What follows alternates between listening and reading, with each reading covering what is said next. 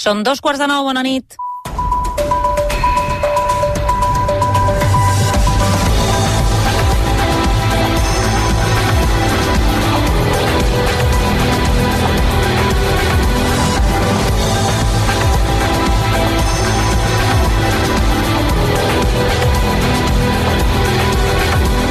A RAC1 no ho sé, amb Anna Ballonesta.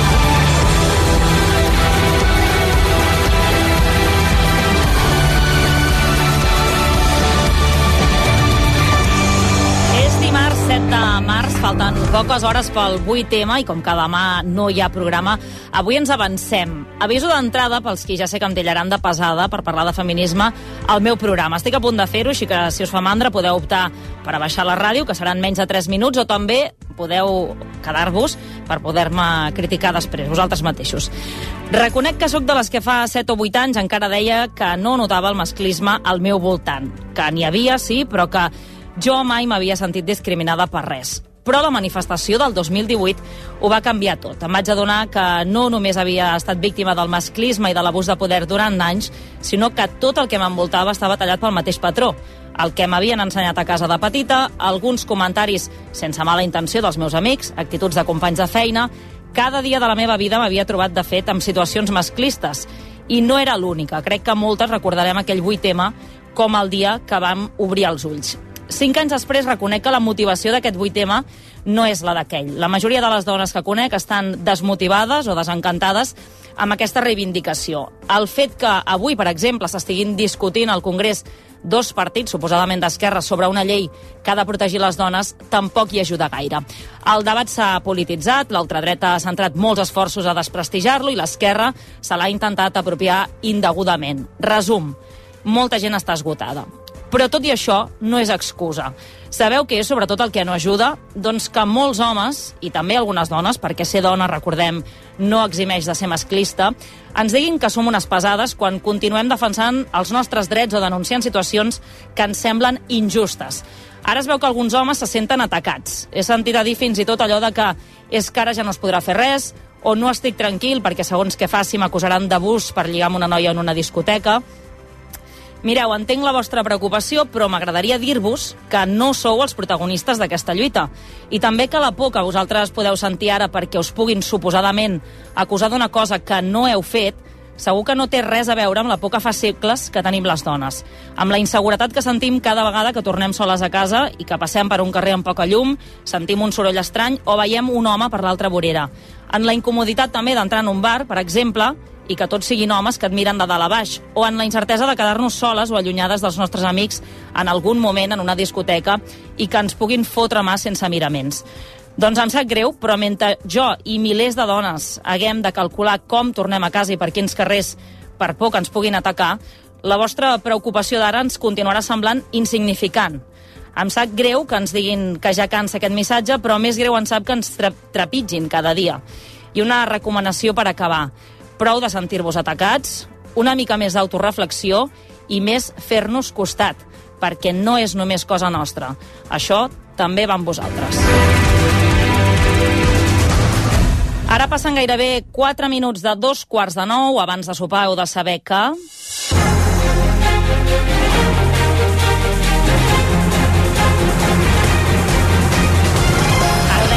d'aquí a pocs minuts el Congrés dels Diputats aprovarà el primer tràmit per reformar la llei del només sí és sí. La proposta del PSOE per frenar les rebaixes a agressors sexuals finalment tirarà endavant amb el suport del PP i de Vox. Com ja estava previst, Podem hi votarà en contra i es sanificarà la divisió dins el govern espanyol amb aquesta qüestió. De fet, els retrets entre els socis de coalició han pujat de to aquesta tarda durant el debat des del Congrés dels Diputats a Madrid. Arnau Manyer, bona nit. Bona nit. El PSOE i Podem s'han tirat els plats pel cap al Congrés amb retrets molt gruixuts. Els socialistes consideren que el discurs dels seus socis és pesat i sense substància. El més contundent del PSOE ha estat Pachi López. Lamenta que Podem directament menteixi. Una intervención que no pone encima de la mesa ninguna respuesta, ninguna solución a ese problema, cuando menos es irresponsable. Y una intervención que acusa al Partido Socialista de pactar con el Partido Popular y con Vox cuando saben que es mentira. Es simplemente impresentable. I mentrestant Podem i sobretot Irene Montero des del Ministeri d'Igualtat critica que el PSOE s'hagi alineat amb la dreta i la ultradreta. Yo creo que esa respuesta debería ser una respuesta unitaria del Gobierno y de la mayoría feminista de esta Cámara, el Partido Socialista no ha querido el acuerdo, ha preferido darse la mano del Partido Popular, de quienes siempre han votado en contra de los avances feministas para iniciar, como les decía, ese camino de vuelta al Código Penal de la violencia o la intimidación. Cert, tot i ser una, una iniciativa del PSOE durant el debat al Congrés, només hi ha hagut dues ministres, i totes dues de Podem, Ione Belarra i Irene Montero. En els propers minuts, la reforma del PSOE superarà el primer tràmit, però l'aprovació definitiva no arribarà fins d'aquí a uns mesos. Per tant, el govern de coalició encara té marge per pactar una alternativa. Com dèiem, aquesta proposta del PSOE per reformar la llei del només sí és sí, que tirarà endavant amb els vots del PP i de Vox, que tot i no donar-hi suport, també han criticat aquesta gestió del govern espanyol en aquest tema, Arnau. Sí, per exemple, Cuca Gamarra del Partit Popular insisteix a demanar responsabilitats a Podem i als socialistes. Señoras de Podemos y señores del partido, sí se puede, claro que se puede, se puede dimitir. Y señores del Partido Socialista, claro que se puede, sí se puede cesar. Lo que no es admisible es que mañana el gobierno vaya a seguir estando absolutamente igual. Més enllà del PP i Vox, la reforma del PSOE comptarà amb el vot a favor, per exemple, del PDeCAT. En canvi, s'oposaran a la proposta socialista Esquerra, Junts i la CUP. Els tres partits independentistes lamenten la falta d'acord entre els socis de coalició. Els acusen de desviar el focus d'atenció i, inevitablement, fer ombra a la mobilització feminista de demà 8 de març. Gràcies, Arnau. Estarem pendents al nou c d'aquesta votació al Congrés. Fins ara. Fins ara. I per la seva banda, la Generalitat també retreu als socialistes que tirin endavant amb aquesta llei amb la dreta i amb la ultradreta. Ho qüestionava la consellera de Feminismes, Tània Verge. És incomprensible que el PSOE estigui disposat a anar de la mà de PP i Vox en aquesta reforma legislativa. Dos partits que no es caracteritzen per la defensa dels drets de les dones, que han impugnat sistemàticament totes i cadascuna les lleis um, d'igualtat i per tant això il·lustra molt bé que no té res a veure amb qüestions tècniques que té a veure doncs, amb l'enfocament polític davant les violències sexuals. I recorda també que l'enfocament de la llei és el que Catalunya ja té vigent el seu marc normatiu. Precisament encara sobre violència masclista, us ho avança el nou c de rac actualment hi ha set dones a Catalunya que tenen un risc molt alt de morir assassinades per les seves parelles o exparelles. Segons dades dels Mossos d'Esquadra, aquestes dones viuen amb seguretat policial pràcticament 24 hores al dia. En total, la policia vigila 96 víctimes de violència masclista i va fent controls periòdics per avaluar el nivell de risc de cadascuna i per poder evitar que les tornin a agredir, Marc Poyato. La majoria de les víctimes de violència masclista que els Mossos tenen controlades, 72 concretament, tenen un risc mitjà de morir assassinades. N'hi ha 15 més amb un risc alt i 7 que tenen un risc molt alt i que per tant viuen amb una escorta.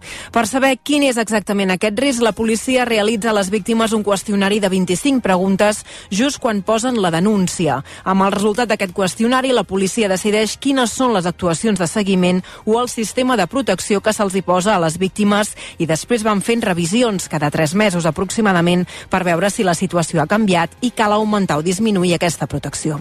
Molts d'aquests controls es fan a través de trucades telefòniques. Pel que fa als agressors, segons en dades de Mossos, actualment hi ha 73 homes que estan controlats per la policia amb braçalets telemàtics per evitar que s'acostin a les víctimes, a les quals ja han agredit amb anterioritat. Per cert, els Mossos d'Esquadra que investiguen la presumpta violació d'una nena d'11 anys a Badalona. Segons ha avançat el planta baixa de TV3, els agressors serien 5 joves menors d'edat. Pep Tormos. Va passar el novembre, la germana de la víctima explica que la violació va ser en uns lavabos del centre comercial màgic. Els suposats agressors van amenaçar la nena amb un ganivet, la van violar i van marxar. Quan la nena va sortir del lavabo va intentar demanar ajuda a un vigilant de seguretat que, segons diu, no li va fer cas. La víctima va trigar dies a explicar-ho a la família. Els Mossos han identificat els agressors i en van detenir dos al febrer de, no, de més de 14 anys. Un d'ells és en un centre de règim tancat i l'altre està en règim de llibertat vigilada. La resta tenen menys de 14 anys i, per tant, són inimputables. Tot això a les portes del 8M, que la Generalitat ha anunciat que donarà copes i calces menstruals i compreses reutilitzables a tothom que tingui la regla. És una mesura pionera. El govern calcula que beneficiarà 1.800.000 persones, n'informa el Marc Martínez Amat. Aquests productes menstruals reutilitzables es podran recollir de franc en punts de proximitat arreu del país, però el govern encara no ha anunciat quins. De fet, ja se n'estan repartint als instituts a través del programa La meva regla, les meves regles, que aquest curs arribarà a 85.000 adolescents de més d'un miler de centres. És una mesura que s'inclou en el Pla d'Equitat Menstrual que ha presentat avui la consellera d'Igualtats i Feminismes, Tània Verge. Perseguim un triple objectiu, d'una banda justícia de gènere, tant per trencar tabús i estigmes sobre la menstruació i la menopausa o el climateri, com per vetllar també per la salut de les dones, també justícia social per combatre la pobresa menstrual que afecta una de cada cinc dones d'aquest país. I també justícia climàtica perquè cada any a Catalunya es produeixen al voltant de 9.000 tones de productes menstruals no reutilitzables. El pla també preveu instal·lar dispensadors de compreses i de tampons de cotó orgànic en equipaments públics. Mesures de la Generalitat i a Madrid, mesures també del govern espanyol que avui ha aprovat tramitar la llei de la paritat entre homes i dones.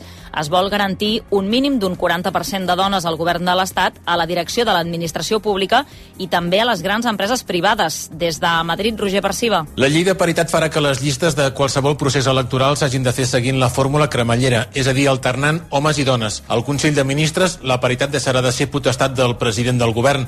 La llei obligarà a que 4 de cada 10 siguin dones i també afecta els àmbits de govern privats. Les grans corporacions que cotitzen a borsa, amb 250 treballadors, hauran de tenir la meitat de dones al Consell d'Administració. Nadia Calviño, vicepresidenta del Govern espanyol i ministra d'Economia.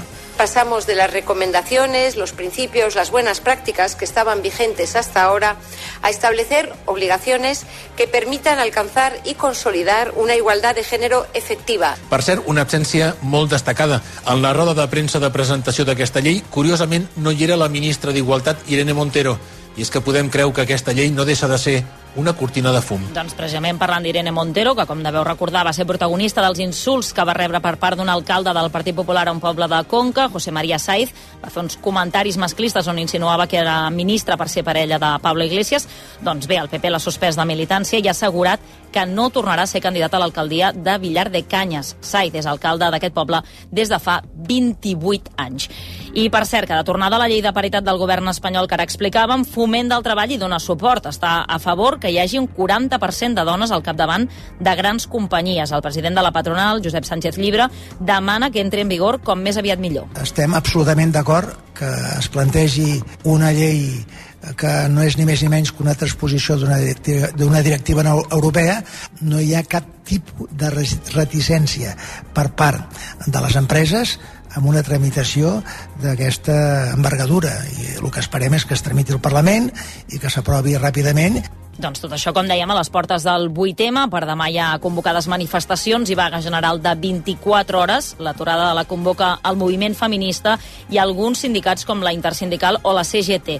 L'acte central del 8M serà la manifestació unitària que es farà a Barcelona, dos quarts de set de la tarda, des de la plaça Universitat. L'ha convocat l'Assemblea 8M i el recorregut acabarà al passeig Lluís Companys, on es llegirà el manifest. Les protestes també repetiran a Tarragona, Girona i Lleida. Això pel que fa a les convocatòries. Respecte a la vaga, el Departament de Treball ha fixat uns serveis mínims. Com queden, Montse Martí? Els serveis mínims estan fixats al 85% i s'aplicaran durant tot el dia al metro, ferrocarrils, rodalies, al tram, al bus urbà de Barcelona i els busos metropolitans, interurbans i d'altres busos urbans. Pel que fa al sector sanitari, es treballarà amb normalitat a les urgències dels hospitals i a les unitats de cures intensives i les intervencions quirúrgiques inajornables i els tractaments de quimioteràpia i radioteràpia també hauran d'estar garantits. A l'educació hi ha d'haver com a mínim dos mestres per cada quatre classes a primària i el 50% dels docents a les llars d'infants. A l'ESO hi haurà d'haver un professional cada tres classes.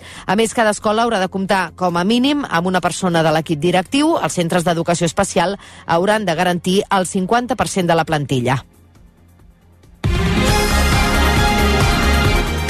Un minut per tres quarts de nou, novetats sobre el cas Negreira. La Fiscalia denunciarà el Barça per corrupció continuada pels pagaments de l'exvicepresident dels àrbitres. Ho ha avançat el País aquesta tarda. La denúncia assenyalarà, entre d'altres, el Barça com a responsable i ho farà com a persona jurídica. És una denúncia per corrupció en els negocis, un delicte que inclou el frau en l'àmbit esportiu i la seva modalitat continuada fa que hi hagi també una possible major gravetat d'aquestes penes, Dani Aguilar. Sí, la denúncia també apuntarà Josep Maria Bartomeu i altres membres de la Junta Directiva, però no a la resta dels anteriors presidents, perquè els fets en el seu mandat han prescrit una investigació de Fiscalia que va haver de ser, recordem, conclosa de sobte per la querella interposada per l'àrbitre de bar Xavier Estrada Fernández cap als Negreira, tal com estableix la llei. Precisament, sobre el cas Negreira, el president del Barça, Jan Laporta, nega que el club hagi volgut comprar els àrbitres. Que quedi clar que el Barça mai s'ha dedicat a comprar àrbitres ni ens hem dedicat a influir en decisions. Sí, això queda clar. El Barça mai eh, ha comprat àrbitres mai. i el Barça mai ha tingut la intenció de comprar àrbitres. Mai. Intenció Mai. Mai. Rotundament mai. Ho, ho ha dit en un col·loqui al Círculo Equestre i ha afegit que no creu que el cas acabi perjudicant el club. Gràcies, Dani. D'aquí una estona repassem la resta d'actualitat esportiva. Fins Molt bé, ara. fins ara. Més coses mig any després, el Congrés reactiva la Comissió d'Investigació de l'Operació Catalunya, això després que La Vanguardia hagi publicat més detalls sobre la trama parapolicial. Per exemple, s'hauria activat el 12 de setembre del 2012, just l'endemà de la primera gran manifestació de la Diada. El govern espanyol ara vol arribar fins al final. La portaveu Isabel Rodríguez era així de contundent. Estamos ante uno de los casos más graves de corrupción política de la democracia española. Creo que hay que mostrar absoluta condena, rechazo de forma contundente. Este tipo de actitudes no son admisibles, dañan al Estado español, dañan eh, a la estructura del Estado, a los cuerpos y fuerzas de seguridad del Estado. De fet, l'Operació Catalunya s'ha colat aquesta tarda a la sessió de control al Senat, on s'ha viscut una picabaralla entre Junts i el ministre de l'Interior. Aquest era el moment de l'enganxada a la cambra entre el senador Josep Lluís Clarías i Fernando Grande Marlasca. que su gobierno se comprometa en esclarecer los hechos y en evitar que siga habiendo vulneración de derechos a personas, a familias, a entidades. Hoy en Cataluña el Estado español sigue vulnerando derechos humanos fundamentales y es vergonzoso. Lo que no le puedo admitir es una acusación sin fundamento alguno en el sentido de alegar vulneración de derechos fundamentales que no existen y sentencias del Tribunal Europeo de la Unión que únicamente debe conocer usted. Sí, com sigui, la mesa del Congrés ha donat llum verda per investigar la trama parapolicial contra l'independentisme i ara s'haurà d'engegar. Es començarà a fer la llista de compareixents que han de donar explicacions. És una comissió que es va aprovar el 15 de setembre, però que fins avui no s'ha activat. La comissió per l'Operació Catalunya, però tindrà poc temps per estirar el fil. Un cop s'acabi la legislatura a finals d'any, es tancarà la carpeta. Tot plegat, com dèiem, després que avui La Vanguardia hagi publicat aquesta nova informació sobre el cas, segons el diari, ara ho dèiem, l'operació va arrencar el 12 de setembre del 2012. Aquell dia, el que era ministre de l'Interior, Jorge Fernández Díaz, va decidir que el procés s'havia d'aturar. Un mes després, a l'octubre, les agendes de José Manuel Villarejo ja hi apareixien les primeres reunions entre el comissari, els càrrecs de la Policia Nacional i el cap de gabinet de Fernández Díaz, Francisco Martínez. L'operació tenia com a objectiu aturar tot el procés independentista desacreditant i erosionant Convergència i Unió. Feia poc que Artur Mas s'havia reunit amb Mariano Rajoy per demanar-li el pacte fiscal i Rajoy li va donar carabasses. Llavors Mas va convocar eleccions i les enquestes col·locaven Convergència a tocar de la majoria absoluta. Per això, el govern espanyol volia desactivar el partit. Per fer-ho, Villarejo va contactar amb l'empresari Javier de la Rosa, proper als Pujol, i amb dues persones que no hi tenien res a veure, l'extresorera del Barça, Susana Monge, i el president de la plataforma Pro Seleccions Catalanes, Xavier Vinyals. Qui també hi va tenir un paper destacat és Maria Dolores de Cospedal, que hauria pagat 150.000 euros a Javier de la Rosa a canvi de denunciar els Pujol. 12 minuts per arribar a les 9. Els professors de l'Institut El Palau de Sant Andreu de la Barca celebren que l'Audiència de Barcelona hagi arxivat 8 de les 9 causes en què se'ls acusava d'un delicte d'odi. Els investigaven per menysprear alumnes, fills de guàrdies civils, dies després de l'1 d'octubre. Segons ha avançat el punt avui, el tribunal considera que els professors no van cometre cap delicte. Ara bé, sí que insta el jutjat a reobrir el cas d'un dels professors. La justícia considera que per aquest últim cas hi ha dubtes sobre si la professora investigada va dir o no als alumnes la frase «Deus estar content amb el que va fer el teu pare», això referint-se a les càrregues policials. El portaveu dels professors, Josep Lluís Alcázar, assegura que l'arxivament és una bona notícia, però que el mal ja està fet. En parlava el versió RAC1. contents perquè, òbviament, el, el sobreseïment de, de 8 casos és un pas endavant preocupats per l'altre cas que, que no es tanca i d'alguna manera amb aquest malestar, no? una mica de dir, bueno, i ara, o sigui, imaginem que ara es tanca tot, val, que esperem, però i tot el mal que s'ha fet, no s'haurien de donar explicacions, respostes el cas va ser molt mediàtic i els professors van denunciar un linxament que els va provocar estrès i ansietat. De fet, la majoria van acabar canviant d'institut. L'Hospital Clínic continua recuperant molt a poc a poc l'activitat després del ciberatac de diumenge. Demà ja es podran atendre entre un 15 i un 25% de les visites a consultes externes i fins a un 70% de les cirurgies no urgents previstes a la seu del carrer Villarroel. L'hospital està avisant per telèfon tots els pacients que sí que podran atendre demà i a la resta en els propers dies se'ls reprogramaran les visites. El que sí que continuarà aturat demà són els tractaments de radioteràpia oncològica, per això tots els pacients prioritaris se'ls derivarà a l'Hospital de Sant Pau perquè els facin les sessions allà.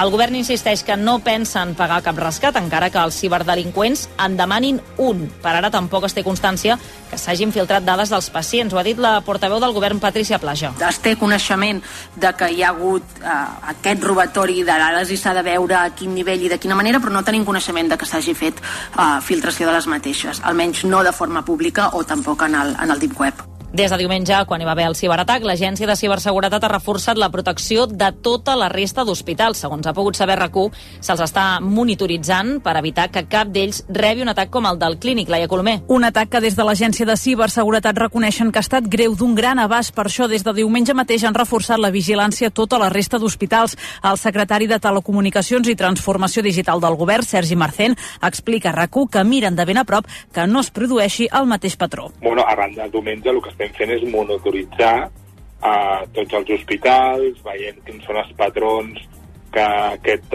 ciberatac ha tingut i intentar evitar els patrons. Això el que fan és crear una sèrie de patrons i a partir d'aquí el que fem és intentar evitar que aquests patrons es dupliquin a qualsevol altra entitat que nosaltres tenim. A més, des de fa uns mesos s'està treballant en un pla per integrar tot el sistema sanitari al pla de ciberseguretat de la Generalitat. Així creuen que tot el sistema quedarà més ben protegit. Marcen recorda que la Generalitat cada dia rep uns 4 milions de ciberatacs. El ciberatac al clínic ha reobert el debat sobre la protecció digital no només en grans institucions o empreses, sinó també a escala individual. Els experts avisen que els ciberdelinqüents busquen qualsevol esclitxa als telèfons mòbils per atacar-los. L'expert en ciberseguretat, Bruno Pérez Junca, ha explicat al món RAC1 què cal fer per tenir-los protegits. Ho repassem amb la Laia i la Maria Costa. La càmera sempre tapada. Ja sigui amb un paperet o bé utilitzant una funda que agafi tot el telèfon i, per tant, també amagui la càmera. Pérez Junca explica que es tingui molt en compte amb els nens. Les càmeres sempre tapades. I amb la mainada, no, eh, ho sento molt, eh, és, és una cosa que la, la tenim que prohibir.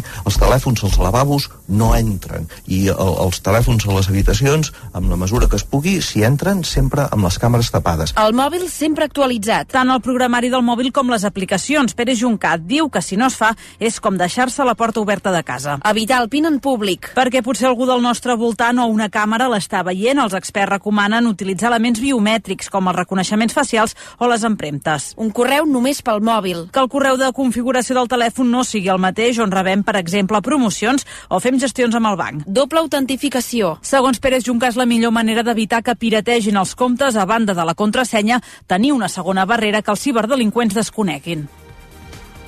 I encara en salut, Catalunya deixa enrere el pic de contagis de la grip. Des de la setmana passada els casos ja van a la baixa en totes les franges d'edat. En els últims set dies, l'atenció primària ha diagnosticat poc més de 8.500 casos, mentre que la setmana anterior n'havien estat més de 10.000. Es tracta del segon pic de grip d'aquest hivern, després de que per Nadal ja n'hi hagués un, que va ser abans d'hora. Mentrestant, el Covid es manté a ratlla i només hi ha una desena de malalts crítics a les UCIs.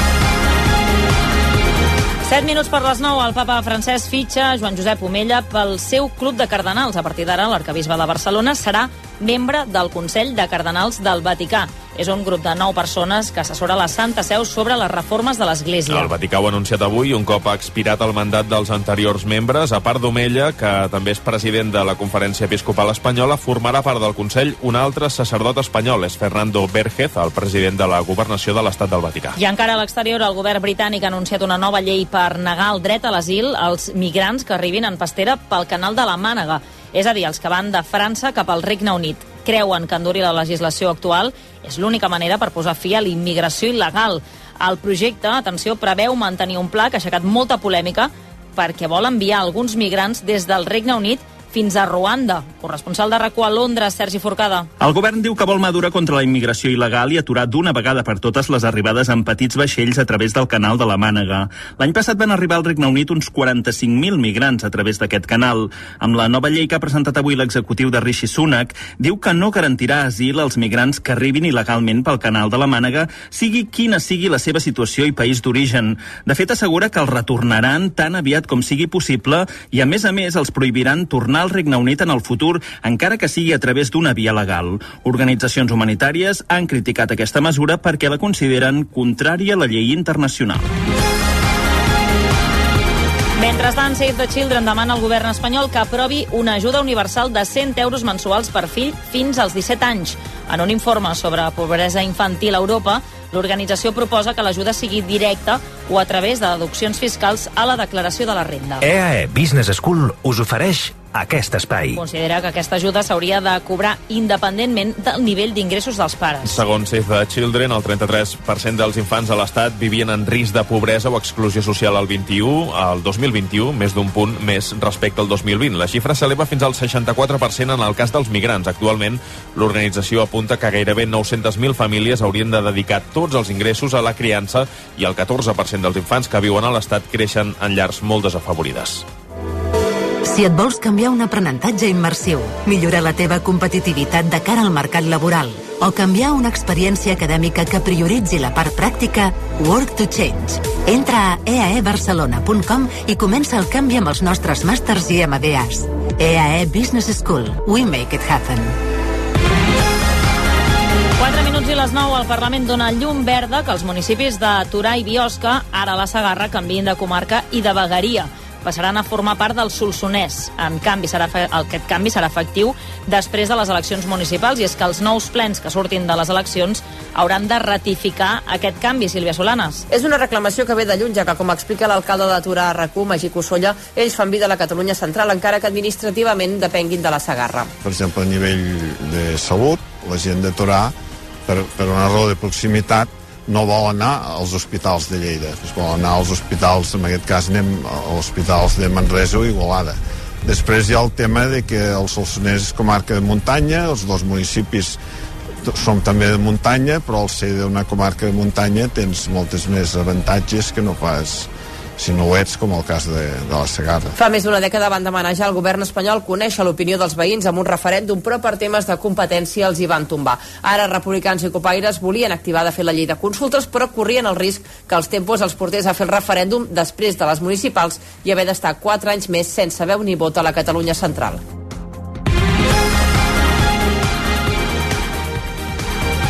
En successos, la policia ha desmantellat un grup criminal establert a Catalunya que traficava amb aixís des del Marroc. Hi ha nou detinguts, tres dels quals han entrat a la presó. Els Mossos també han requisat més de 1.100 quilos de xix. La banda portava la droga en llanxes i la introduïa pel sud de l'Estat. Abans d'enviar-la cap a França, els detinguts feien parada a Cunit, al Baix Penedès, on tenien un centre d'operacions. El destí final de la droga eren, els paï eren països del centre d'Europa. A part, la banda havia posat en marxa un entramat per blanquejar els diners aconseguits amb el tràfic de drogues. El jutge envia a la presó un home que portava 22 quilos de marihuana i gairebé 20.000 euros en efectiu al cotxe. El van detenir divendres a Ceba, Osona. El van enxampar en un control per prevenir robatoris. Els agents van veure que l'home de 31 anys s'apropava molt nerviós al control i quan va baixar la finestra van notar una forta pudor de marihuana i van trobar 6 sacs de droga i uns 20.000 euros en efectiu. I els Mossos han denunciat penalment un conductor que quadriplicava la taxa d'alcoholèmia a Vilamalla, a l'Alt Empordà. El més sonat del cas és que li van fer la prova quan anava a recollir un amic a qui la policia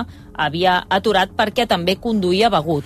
El conductor que els Mossos van aturar primer, de 29 anys, va donar una taxa de 0,53. A més, no tenia permís de conduir. El va anar a recollir un amic de 32 anys que també va donar positiu per sobre d'un mil·ligram per litre d'aire aspirat. És quatre vegades més de la taxa permesa. En música, sorpresa al Primavera Sound, New Order, que se suma al cartell d'aquesta edició.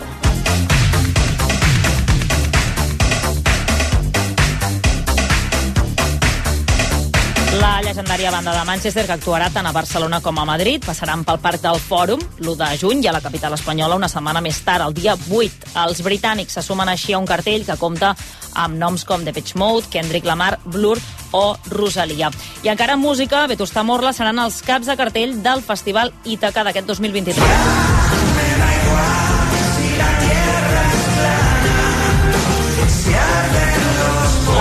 banda madrilenya actuarà a l'escenari de l'Estartit el 24 de juny. Serà l'únic concert que el grup farà a Catalunya aquest any amb entrades disponibles. I atenció als fans del manga, l'anime i la cultura asiàtica perquè aquest juliol la ciutat de Barcelona acollirà el primer festival de música asiàtica d'Europa.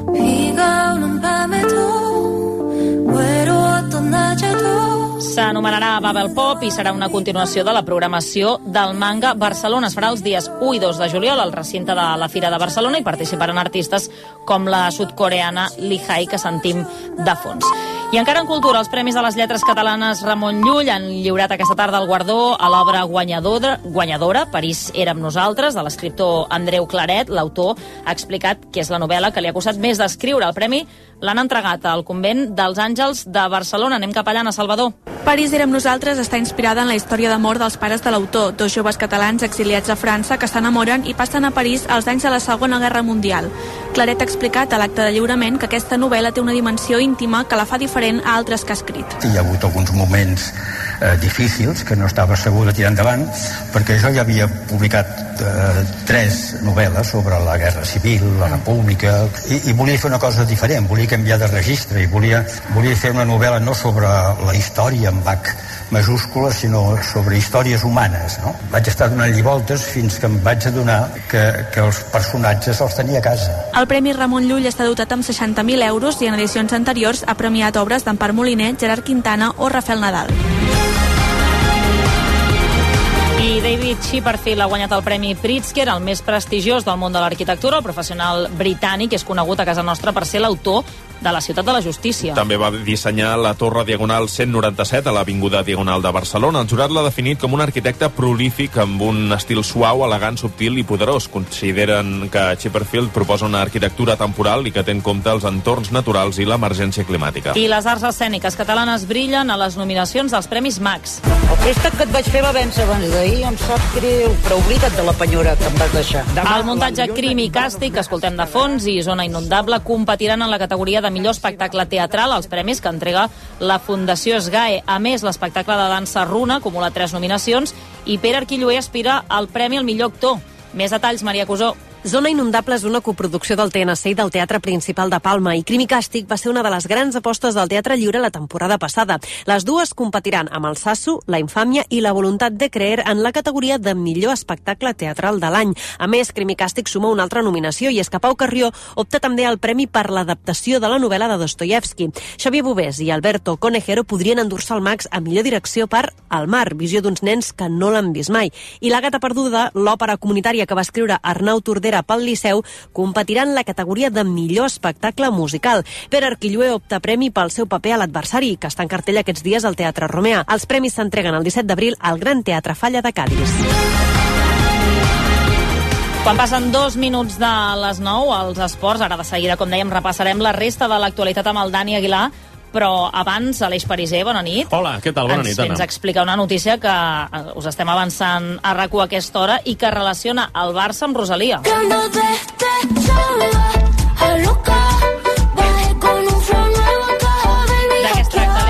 Doncs mira, fa moltes hores que a la redacció d'Esports estem treballant per confirmar aquesta notícia i fa només uns minuts l'hem pogut confirmar, ja l'hem avançat a les xarxes socials i també l'expliquem aquí al 9C a l'antena de rac el Barça lluirà un logotip relacionat amb Rosalia durant el clàssic de Lliga del 19 de març al Camp Nou. És un acord habitual amb Spotify. Durant la temporada el Barça pot canviar la publicitat de Spotify de la part frontal per alguna cosa relacionada amb la música. La temporada passada, per exemple, hi va lluir un mussol d'un cantant que es diu Drake al Bernabéu. Doncs aprofitant aquest clàssic, que és un partit eh, que té una audiència mundial i que té un impacte brutal, doncs el Barça ha decidit també tirar cap a casa i, com avança rac ara mateix eh, serà relacionat amb Rosalia, el logotip d'aquest diumenge 19 de març al Barça-Madrid del Clàssic al Camp Nou. Doncs aquesta informació que us avança rac concretament l'Aleix Pariser a aquesta hora, aquesta relació entre el Barça i Rosalia en aquest partit del proper 19 de març. Gràcies, Aleix. Vinga,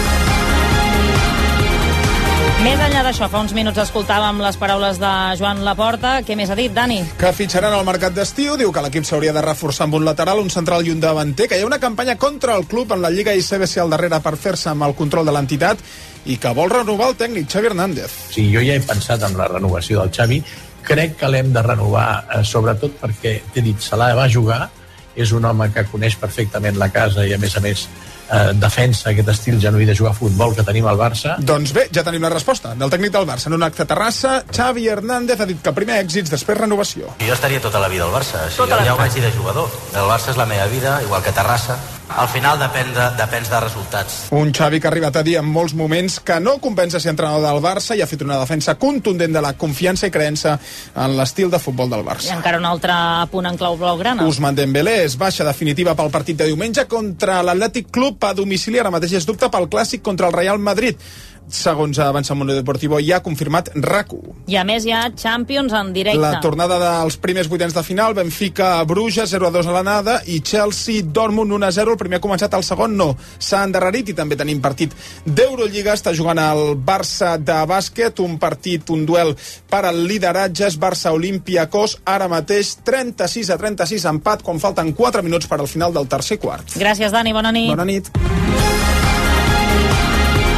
I el temps amb l'Abel Caral. Abel, bona nit. Bona nit. Avui ja hem notat una mica aquesta pujada que ens Sí. deies ahir de les temperatures. Ha d'anar més o no? Ha d'anar més, de fet avui ja hem tingut no tot arreu, de fet les temperatures han pujat a tot arreu respecte a ahir, però hi ha hagut llocs on han sigut 5-6 graus més que ahir, en comarques de la costa i del prelitoral de les comarques eh, de Barcelona i Tarragona, per exemple, a causa d'un vent terral, vent de garbí, vent de ponent, que demà reforçarà, demà atenció que serà un dia, sobretot entre mig matí i mitja tarda, un dia amb vent de, amb cops de 40, 50, 60 km per hora en molts sectors de les comarques de Barcelona, de Lleida, del nord de les de Tarragona, també en zones de muntanya, eh, també cap a cotes altes del Pirineu, del Prepirineu, en un dia emblanquinat, amb núvols més espessos a la tarda a l'oest del país, que fins i tot deixaran algunes gotes, alguns plogims, alguns ruixats poc importants al nord de les comarques de Lleida durant la segona meitat del dia. Les temperatures doncs, sí que tiren cap amunt i si avui en molts casos rondàvem els 16, 18, 20, 21 graus, 21 graus a Barcelona, 22 en alguns sectors del sud del país, doncs demà eh, fàcilment rondarem, ens mourem entre els 18 i els 23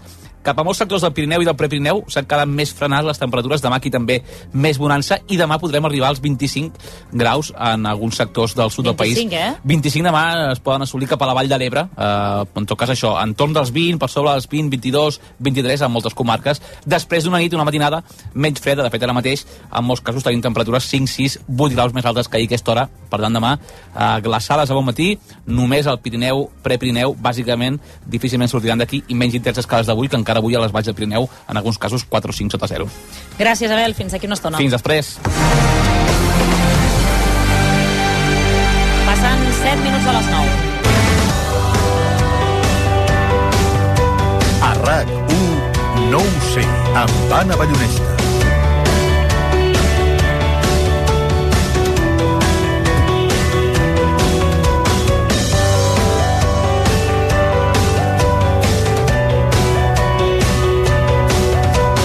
Comencem aquí la tertúlia d'aquest dimarts, 7 de març, amb la Gemma Aguilera, directora del Tot Barcelona. Hola, bona nit. Gemma, la Laura Aznar, periodista del Crític. Hola, què tal? Laura, Bona com nit. estàs? L'Àlex Govern, delegat del diari ABC a Catalunya. Bona nit. Bona nit, Àlex. I també la Susana Quadrado, redactora en cap de Societat a La Vanguardia. Què tal? Bona Bona nit. nit, Susana. Molt bé, molt jo he sentit la Bel, eh, que torna a la primavera. Em Que sembla bé. que l'últim dia que ens vam veure Sí. encara vam dir que, que faria un fred, que s'hi havia d'anar a això, i de cop torneu i la Bel diu que pujaran les temperatures, demà 25 Ens- graus. ens estimem a la Bel, Home, que ara estàvem a aquestes 18 graus, eh? I 18, realment, eh? Es nota. Sí, sí, s'ha notat un Aquí canvi. amb aquesta estona vivim com en un búnquer, Aquí no sé... ara, ara és quan venen els refredats aquests de canvi de Només temperatura ho diuen, no? que radical. sembla que ve una segona onada de, de grip, em sembla. Home, és que, sí, sí, claríssimament. El que sabem és que hem superat el pic, eh? Aquest de la grip ja s'ha superat. Ara veurem... Ja ho veurem. Deien els, els companys de, que segueixen els temes de salut no? que normalment el, la, la resta d'anys hi havia un únic pic, que era com el més elevat. Aquest any ja anàvem pel segon.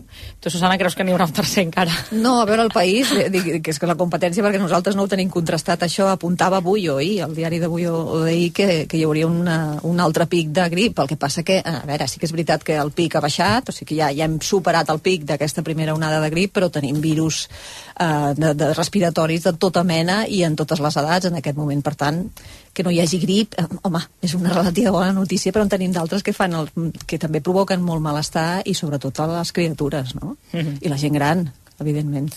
Laura, contenta que tornin a pujar les temperatures. Moltíssim. és que jo, jo el tema del fred ho hem comentat. molt contenta, eh, Molt contenta. És que el tema del fred ho hem comentat tot sovint. Jo Sí. ho passo molt malament amb el fred. Vaig estar fa un parell de setmanes a Madrid al cap de setmana i, ostres, o sigui, em va costar treure'm el fred del cos quan ja estava aquí, perquè ja fa moltíssim fred, i em va costar bastant treure'm el fred del cos fins i tot quan ja estàvem aquí més aclimatats, eh? Vull dir que ho passo molt malament i estic contenta de que, de que pugin les temperatures i a veure si eh, què passa amb el tema de les grips, perquè a mi em fa la sensació, jo en tinc, o sigui, vaig estar malalta fa unes setmanes i que se t'enganxa la tos i que costa molt de que se te'n vagi, que, el que jo vaig enganxar, eh? O sigui que ja Sí, sí, hi ha molta veient. gent que, que veus aquesta tos que fa Sí, un sí. mes, que dius, no, que estàs malalt. No, no, és que va, fa un mes que vaig tenir Exacte, eh? un refredat, vaig crònica. tenir la grip, i això Sí. costa de marxar. En fi, en tot cas, pel que fa a les temperatures, doncs eh, em sembla que haurem d'aprofitar aquests dies perquè això ja no serà així fins que arribem a primavera, eh? Em sembla que encara hem de tornar a baixar una Ah, altra vegada. fred. Sí, una mica de fred, Home, no, sí, no, no ens acostum... no? Home, potser no... Però sí, No, home, no, però sí que és veritat que, que el mes de març és un, és un mes una mica traïdor, en aquest sentit. Perquè és aquell mes que dius, ai, que ja tenim aquí la primavera, que ja arriba, que, que ja arriba, i si recordeu, una de les nevades aquelles més fortes que va Sí. afectar la ciutat de Barcelona va ser un 8 de març, vull dir, Ah, un sí, dia tal com demà. Vull dir que no ens refiem tampoc Home, perquè... per un cap de setmana 24-25 graus. Això sí. És una Ni que fantasia. sigui un cap de Ens setmana. donarà una mica ja de- Està, una Sí, mica sí. de vidilla, tu. En fi, com dèiem abans, estem pendents a aquesta hora d'aquesta votació al Congrés, aquesta esmena de, de la llei del només sí és sí. No sé si tenim en línia l'Arnau Manyer. Arnau, bona nit, ets per aquí? Hola, bona nit, sí, sí. De moment no hi ha hagut votació, entenc, eh? No, no hi ha hagut votació, però no queda gaire. Eh? Està intervenint el, el PSOE en l'última votació, l'última eh, moció abans de, de les votacions, eh, i per tant és qüestió d'uns minuts, 5, 10, 15 minuts com a màxim. Doncs estarem pendents de si aquesta votació. També la seguirem doncs, en directe aquí al Nou C per, per comentar també els efectes o les conseqüències que pot portar aquesta votació, com ja sabem, amb el PSOE per una banda i Unides Podem per l'altra. Fem una pausa i tornem de seguida. No ho sé, amb Anna Ballonesta. Marta, què et passa? És que el Marc ha tornat a suspendre i ja no sé com ajudar-lo. Nosaltres estàvem igual que tu i ens van recomanar profe.com. Des d'aleshores la Marina està motivada i ha millorat molt. Profe.com? Sí, tenen professorat qualificat amb classes online, personalitzades, adaptables als teus horaris i per totes les assignatures. La primera classe és gratuïta. Doncs ara entro a profe.com. Tu saps com reclamar una factura de la llum? Jo tampoc. Per això sóc de Legalitas, perquè compto amb experts que m'ajuden a solucionar els temes que jo no controlo. Per només 25 euros al mes, puc contactar-hi sempre que ho necessiti. Fes-te ja de Legalitas trucant al 900 106 08. Legalitas i endavant amb la teva vida. Qui ha fet una rentadora al matí? Si no és pel medi ambient, fes-ho pel bon ambient a casa. Passa't a l'autoconsum. Diguem prou. Ara és el moment. Amb els preus actuals ja no cal ser ecologista. Economistes, benvinguts. Per fi hi ha un altre llum. Factor Energia. Empresa col·laboradora amb l'esdeveniment Barcelona Question Challenge.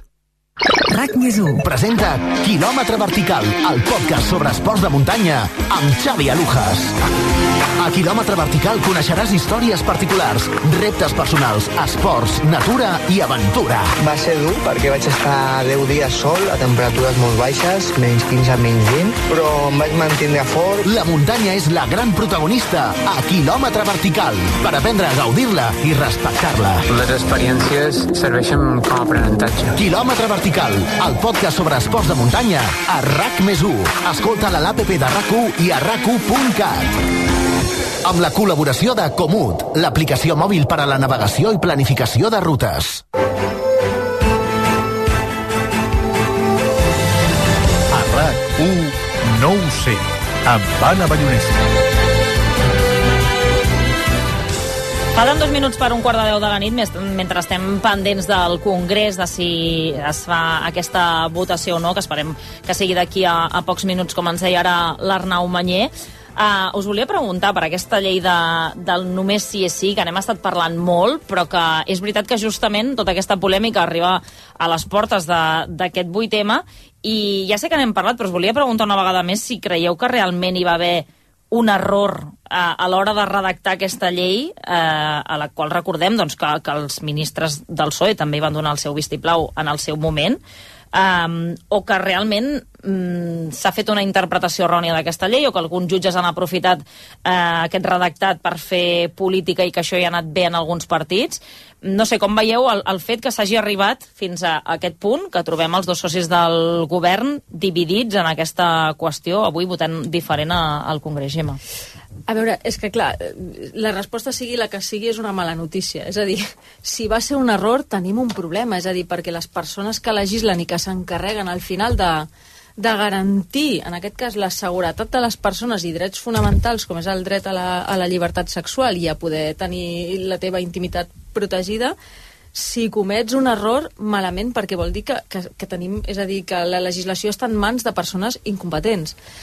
I si no va ser un error i el que passa és que uh, la justícia, en aquest cas els jutges, eh, tenen esquerdes per poder interpretar i fer política amb la llei, també malament, perquè vol dir que estem desprotegits davant d'aquesta de, arbitrarietat d'uns jutges que puguin actuar amb criteris polítics i no estrictament jurídics. Jo crec que, sigui com sigui, la situació s'ha de resoldre segur i s'ha d'analitzar molt bé eh, que no hi hagin aquest, aquests, aquests problemes perquè estem jugant amb una qüestió que és, que és fonamental i és troncal en la societat, no és una qüestió menor. Hi ha, hi ha en joc moltíssimes coses, és una llei superimportant, no? Llavors a mi em preocupa aquesta lleugeresa, no? La, la, els dos fronts possibles. Mm. Falta de competència o oportunisme polític per part d'uns jutges que haurien de ser estrictament, aplicar estrictament el que diu la normativa, no? Amb, amb les interpretacions que calgui, però sense, sense abusar d'aquestes possibles esquerdes, no? Àlex. Mm, no ho sé, a mi, a mi em, em costa de creure que de manera generalitzada i massiva i sistemàtica i premeditada es, es vulgui fer una interpretació no, home, política. No, no, no eh, jo no dic generalitzada, bueno, però sí que, sí que eh, hi ha aquestes dues possibilitats. Uh -huh. O un error dels polítics o una politització de la justícia? En tot cas, el, el, el punt inicial sí que és una redacció d'una llei eh, crec que ben intencionada i d'així, amb, amb, amb elements molt positius, però que, evidentment, hi ha una sèrie d'escletxes eh, no? jurídiques, no? s'ha explicat eh, no? de manera... No? Juntar dos tipus penals, s'amplia no? la forquilla de penes, i llavors, en, en cas de, de, de revisió de condemnes, doncs, eh, s'aplica a vegades no? el, el, tenim totes les consideracions que, que s'han de tenir en, en casos de, de violència sexual com són bueno, tot, tot el que es considera en un, en un delicte d'aquest tipus no? uh, per tant jo penso que el, el punt de partida inicial en, en tot cas crec que és erroni si després hi ha hagut uh, interpretacions uh, uh, no, no correctes és possible que n'hi hagi hagut també però vull dir que el punt de partida inicial jo crec que és bastant clar no? Susana. Estic molt d'acord amb l'Àlex pràcticament de, des, de la, des del minut zero fins a que acaba la seva intervenció. Sí, jo també penso que és una llei ben intencionada, feta amb, amb un esperit eh, positiu, que volia resoldre tota una sèrie de problemes, posar el consentiment en el centre. Tot això sí, el jo sí te creo, no? el jo sí que crec eh, també com a, com a eh, concepte nuclear de la llei, tot això està molt bé, però sí que es va veure en el primer moment que hi havia una, allà una esquerda o un forat jurídic que el que permetia era que els violadors i els agressors sexuals doncs, tinguessin, eh, evidentment, perquè ho diu la Constitució, la pena més favorable que poguessin tenir. Llavors el que és de facto ha acabat passant són 700 rebaixes de, de condemnes i una setantena, em penso que és, d'escarceracions de, d'agressors sexuals que igual també haguessin sortit, però s'ha avançat la seva sortida amb tota l'alarma social que això suposa. Un segon, Susana, perquè hem d'anar cap al Congrés. Arnau Manyer, bona nit de nou. Hola, bona nit. S'està fent ara ja sí aquesta votació. Explica'ns què és el que està passant aquí sí, al Congrés. Sí, mira, tot just ara s'ha acabat. De fet, ha sigut una votació molt ràpida. Només s'ha votat aquest punt i l'anterior. Per tant, des d'ara mateix, per 231 vots a favor, 56 en contra i 58 abstencions, queda aprovat aquest primer tràmit de la reforma de la llei del només si és sí plantejada pel PSOE, cares de pomes agres d'Irene Montero, de la ministra d'Igualtat, que se saluda amb alguns diputats, i mica en mica la resta van enfilant cap a casa perquè s'ha suspès aquesta sessió d'avui. Demà arrencarem a partir de les 9 en punt amb aquesta notícia, la, el primer tràmit de la reforma proposada pel PSOE de la llei del només sí és sí ha quedat aprovada per una àmplia majoria. En principi, ara ho repassarem pels vots del PP, de Vox i de Ciutadans a favor, també del PDeCAT, del PNB i de Coalició Canària, i això, 56 diputats han votat en contra, 58 s'han abstingut. És en aquest moment que Irene Montero abandona l'hemicicle del Congrés dels Diputats, també ho fa Pilar Llop, amb cara de pomes agres, i res, això, ha quedat aprovat ara mateix aquest primer tràmit. Era una mica el que ja s'esperava, Arnau. Um, sí. No sé si ens podries fer una mica un resum a grans trets de què és el que diu exactament aquesta proposició de llei del PSOE per reformar aquesta llei. Sí, introdueix alguns canvis. Eh, el que fa també és estrenya, eh, o el que intenta com a mínim el PSOE amb aquest text és estrenya la, la maniobra dels jutges eh, pel que fa a la interpretació de les agressions de cada cas, és a dir, especifica molt més eh, quants anys de presó s'han d'imposar en cada escenari. Eh, també, bàsicament, la discrepància està, eh, ho, ho explicàveu ara, eh, si la reforma toca o no toca el consentiment. És la gran batalla política per la qual -huh. eh, Unides Podem ha votat ara mateix fa uns minuts eh, en contra d'aquesta proposta. El PSOE diu que no, que són només retocs tècnics, però Podem creu que sí. I, i, i evidentment, la pregunta seria com pot ser que, que tothom sí. hi digui la seva? Uh, doncs, a veure, el cert és que s'afegeix una línia a l'article del consentiment per tant, no l'elimina, no el modifica, però sí que hi afegeix eh, una espècie d'agravant per casos o, o per agressions on, on hi hagi violència o intimidació. Què passa? Doncs que, que realment no toquen l'article del consentiment. Per tant, podríem dir terra o el PSOE? Mm, vaja, no sé, des de Podem el, el que diuen, eh, i especialment des del Ministeri d'Igualtat, és que amb aquesta introducció de violència i intimidació inevitablement es tornen a crear a aquestes dues categories d'agressions, com passava abans de, de la llei del només sí és sí, on es diferenciava entre abús i agressió. Per tant, creuen des del Ministeri d'Igualtat, o, més, o més ben dit, tots els crítics d'aquesta proposta, creuen que el focus torna a estar ara en les víctimes que hauran d'esforçar-se a, a provar que no van consentir durant l'agressió sexual. Per tant, és un tema d'interpretació, és el gran mal o, o el gran bé d'aquesta llei, d'aquesta reforma, que, que ningú es posa d'acord, fins i tot eh, els experts discrepen en, en moltes d'aquestes interpretacions. Laura Aznar, com veus aquesta aquesta trampa, anava a dir, aquest afegit que, que ha fet el PSOE per, d'una banda, dir que no es toca el consentiment, però de l'altra banda afegir aquest agreujant per violència o intimidació. És que jo desconec quina serà la seva aplicació pràctica, eh? és a dir, no, no sé com, com acabarà impactant això en l'aplicació de la llei per part dels jutges. En qualsevol cas, jo crec que hi ha un debat que no és tècnic, sinó que és polític, que té a veure amb el consentiment com a eix central de la normativa, com defensa eh, Unides Podem, no? que, que diu que, o sigui, de fet, en, en essència, Unides Podem no és que estigui en contra de que s'ampliïn algunes mètriques de les penes, sinó que el que li preocupa és que perdi aquesta essencialitat al terme del, del consentiment i que retorni a un model basat en la violència i en el qual la víctima hagi de demostrar que ha patit violència física eh, per poder demostrar que efectivament ha patit una agressió, no? Jo crec, i tornant al que comentàvem abans, jo crec que tota l'estona, des de que s'ha aprovat aquesta normativa, hem posat en accés el focus sobre la qüestió de les penes, quan en realitat ens estem oblidant que aquesta és una molt bona llei que protegeix moltíssim la, en molts altres termes i introdueix molts paràmetres que protegeixen moltíssim la llibertat sexual de, de les dones, no? I en relació amb el que deien els meus companys i companyes, és cert que van haver-hi alguns advertiments per part del Poder Judicial del que podia passar, però compte, perquè el que deien els informes del Consell General del, del Poder Judicial advertien que es podia produir aquest efecte de rebaixa d'algunes eh, condemnes si es baixaven les penes màximes, en cap cas si es rebaixaven les penes mínimes, que és, és com es va operar, és a dir, no es van rebaixar les màximes, eh, es van rebaixar les mínimes, no? Per tant, ningú havia advertit dintre del Poder Judicial d'aquest possible efecte de, que, que es podria produir eh, si, si es produï, si, si tirava endavant aquesta, aquesta normativa, fet que porta a pensar que potser alguns jutges que l'han aplicat d'aquesta forma en contra de la voluntat del legislador, potser també hi ha i això entenc que òbviament no estic parlant de, tots el, de tot el Poder Judicial, però sí que potser hi ha alguns jutges que l'han aplicat d'acord amb els seus biaixos masclistes o amb els seus biaixos ideològics. A mi, si fos el Partit Socialista, em preocuparia els companys de viatge que ha tingut a l'hora d'aprovar aquesta reforma, no? perquè bàsicament l'està aprovant amb un partit que és directament negacionista de la violència masclista. Per tant, aquí hi ha molts, molts eh, temes sobre la taula i haurem de veure si al final això prospera, haurem de veure si el fet com diu Unides Podem, que es desplaci el consentiment com a element central de la normativa, acaba generant aquest efecte de retorn a haver de demostrar violència física perquè, per ser creguda quan es denuncia una agressió. Arnau, perdona, que no m'ha quedat clar uh, la votació. Vox finalment s'ha abstingut o ha votat a favor, ens deies? Estem mirant bé el, el detall, eh, perquè és difícil uh, de calcular, però Vox finalment s'ha abstingut. Uh, hi havia molts dubtes de si, de si realment votaria a favor d'aquest primer tràmit, però vaja, que finalment a la pràctica hi acaba donant suport o acaba facilitant que, que això tiri endavant. Recordem, sobretot, eh, no s'ha aprovat la reforma en cap cas. No, és un primer tràmit perquè això, al cap d'uns mesos, un parell de mesos, setmanes, depèn de quan ho vulgui dilatar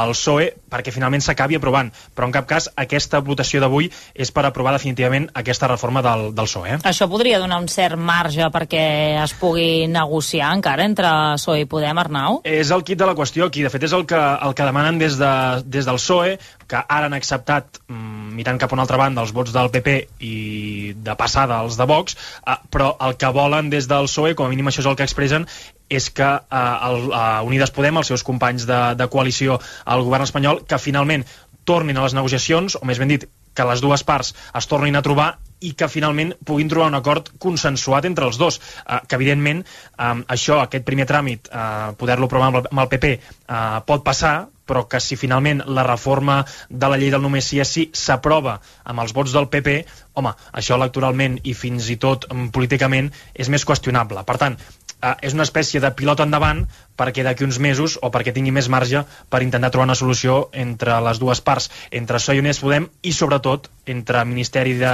Justícia i Ministeri d'Igualtat. Arnau, et faig una pregunta una mica que em diràs potser que és complicat de saber, però tu que estàs a Madrid i que voltes pel Congrés, no sé si creus que tothom del PSOE després et preguntaré per Podem, eh? Creus que tothom del PSOE estava còmode amb aquesta votació d'avui? Mira, la veritat és que, a diferència d'altres votacions, aquí el PSOE ha tancat, ha tancat files. I ha tancat files des que el 8 de desembre, eh, tot i que va ser en privat, eh, Pedro Sánchez demanés que, que s'havia de pensar una reforma de la llei del només sí és sí. A partir d'aquell moment, eh, tothom ha tancat files, com a mínim, eh, dins el PSOE. Altra cosa és que hi hagin hagut veus internes de si s'havia de fer, si no s'havia de fer, eh, fins i tot a nivell polític i a nivell electoral. Però públicament i en aquesta espècie de corrillos que li diuen aquí a Madrid, no hi ha hagut cap veu que hagi aixecat i hagi dit que potser no era bona idea um, això, reformar la llei del només sí és sí. Sí que n'hi ha hagut alguna que ha expressat incomoditat um, de no acordar aquesta reforma o aquest principi de la reforma en Podem i per tant rebre els vots del PP però pel que fa al fet en si de reformar la llei del només sí és sí, no hi ha hagut massa discrepància, la veritat. I ara et pregunto per l'altra part, per Unides Podem, per Podem, creus que hi havia algú que potser hauria preferit pactar amb el PSOE abans d'arribar a aquest punt avui al Congrés? Sí, la veritat és que des de Podem eh, el pacte sempre sempre s'ha estès la mà, com a mínim.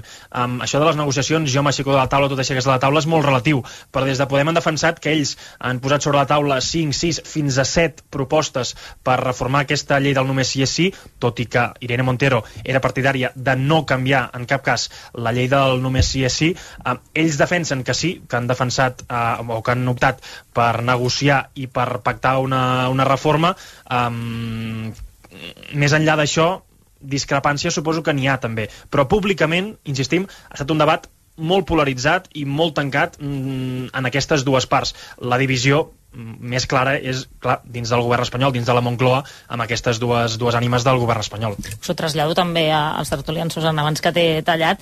Mm, Creus que el PSOE i Podem eh, han convertit aquesta llei en una batalla electoral? Eh, clarament sí, i a més teníem la, la, aquí la data de l'8M, que per Podem és molt significativa eh, tant electoralment com a nivell discursiu i a nivell ideològic. No? Per tant, em penso que Podem li interessava remarcar molt aquesta diferència, però és una molt mala notícia pel govern de coalició i, evidentment, és una mala notícia també eh, en general. No? Per què? A veure, el, el que ha fet el Pedro Sánchez ha estat una sortida endavant per tallar el que era la ferida aquesta que estava sagnant des de feia molts mesos, perquè cada vegada que es parla d'una escarceració o d'una rebaixa de penes d'un violador que us ho dic així, no? que no s'ho mereixia, doncs això és eh, menys vots electorals, si més no, en les últimes enquestes ja es veia que el vot femení que generalment sabeu que, que en el tema de la dona s'inclina per, per als partits més progressistes o d'esquerres, doncs en el cas del PSOE estava començant a fer-li una mica de mal.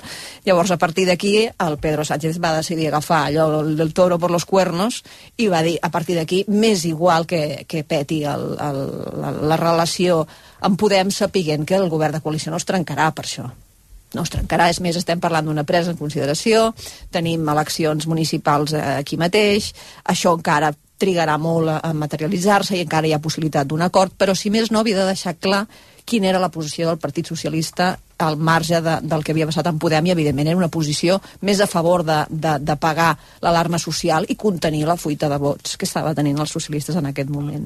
Què pot passar a partir d'aquí? No sé, doncs eh, el que pot passar ja veurem, no? És una mala notícia que hagin d'haver pactat amb el PP, tot i que és una mala notícia relativa, perquè en el cas de la violència masclista al PP sempre hi ha hagut un gran consens i hi ha hagut un, un acord d'estat des de fa molts anys. I amb aquest moviment El d'alguna que passa que el PP, vegada... el PP amb, amb això també hi és, hi, hi és sucat, no? perquè evidentment amb la mesura que suposi un, un element de desgast per al Partit Socialista, el PP s'hi afegirà. El titular és negatiu avui, però si més no, si el que serveix és per contenir o per canviar les coses, mm, millor. Tot i així la llei està feta i ara fins que acabi tota aquesta llei i es reformi, mm, això el mal està fet. Eh? Però vaja, mm, en principi s'ha de veure més aquesta votació en clau electoral o fins i tot política que no pas en clau ideològica. Eh? Arnau, crec que sentia de fons, volies dir alguna cosa. Sí, no, no només eh, per aclarir una cosa de, de la Susana, parlaves de- d'aquest marge d'error que encara tenen, o aquest marge de negociació que encara tenen. Eh, És veritat que també és el que dèiem ara fa un mes, quan el PSOE va registrar aquesta proposta pel seu compte, eh, tothom pensàvem, eh, jo inclòs, eh, pensàvem que tindrien marge per negociar i per arribar aquest dia d'avui, 7 de març, el dia abans del 8M, i per tant, les portades demà tenim molt clares cap on aniran dirigides eh, i quin serà el, el titular de demà. Eh, tots pensàvem fa un mes que s'aconseguirien posar d'acord.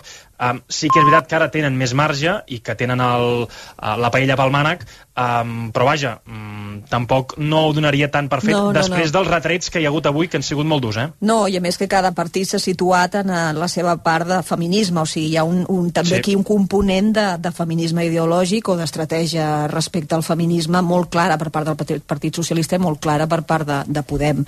També és veritat que, fixeu-vos avui mateix, la llei de paritat, aquesta que... Sí, que després en parlarem. Exacte, també l'ha impulsada el Partit Socialista al marge de Podem. Per tant, aquí sí que hi ha un, un posicionament clar de, dels partits respecte a un vot femení, insisteixo, que, pel, pel qual batallen. Arnau, eh, també et volia preguntar precisament per això, fins a quin punt és, parlaves dels titulars de demà dels diaris, no? Hmm. Eh, és casualitat que aquesta votació hagi caigut eh, avui, aquestes portes del 8M? S'ha forçat que fos eh, en aquesta data? No, evidentment no, no és casualitat um, que aquesta votació sigui avui, justament el dia abans del, del 8M. De fet, uh, els socialistes ho interpretàvem com una, com una forma de, de pressió per Podem perquè cedís, uh, perquè votés a favor com a mínim d'aquest d'aquest primer tràmit a les portes del 8M. Pensaven des, de, des dels socialistes que això els, els pressionaria per evitar la portada de demà o com a mínim um, que serviria per accelerar les negociacions. Uh, finalment no ha estat així, per tant, jo diria que no, que no era casualitat que la votació la, la col·loquessin avui, tenint en compte que Meritxell Batet, socialista, és qui remena les cireres i que pot col·locar al seu gust, més o menys, eh, les votacions al, al Congrés. Per tant, mm, penseu que, que això, que era una negociació que s'havia portat en secret durant setmanes, des del 8 de desembre, i que això, que, que a correcuita gairebé, es va registrar aquesta proposta del PSOE mm, gairebé amb els timings perfectes perquè caigués aquest 7 de març la, la primera votació.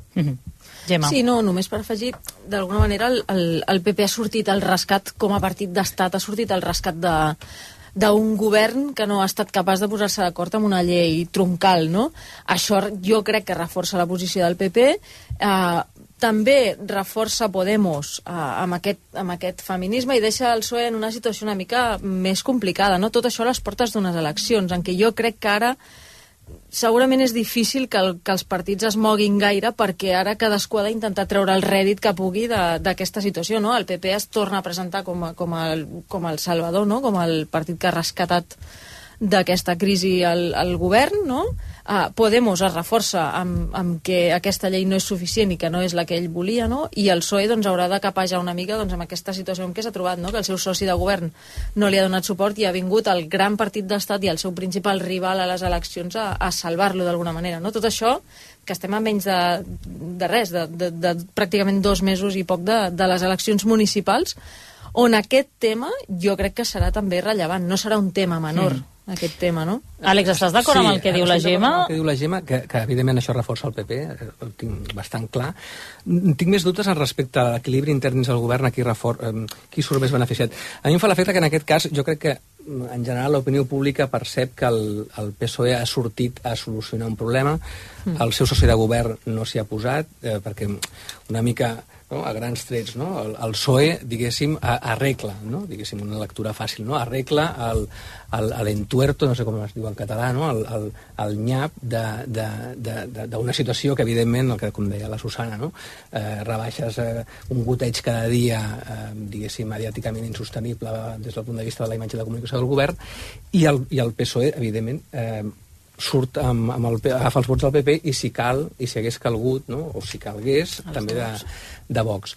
Um, jo per això en- entenc que en aquest sentit jo crec que el PSOE, evidentment, eh, surt desgastat perquè eh, surt, eh, pateix un desgast per formar part d'un govern on hi ha elements com, com Podemos, no?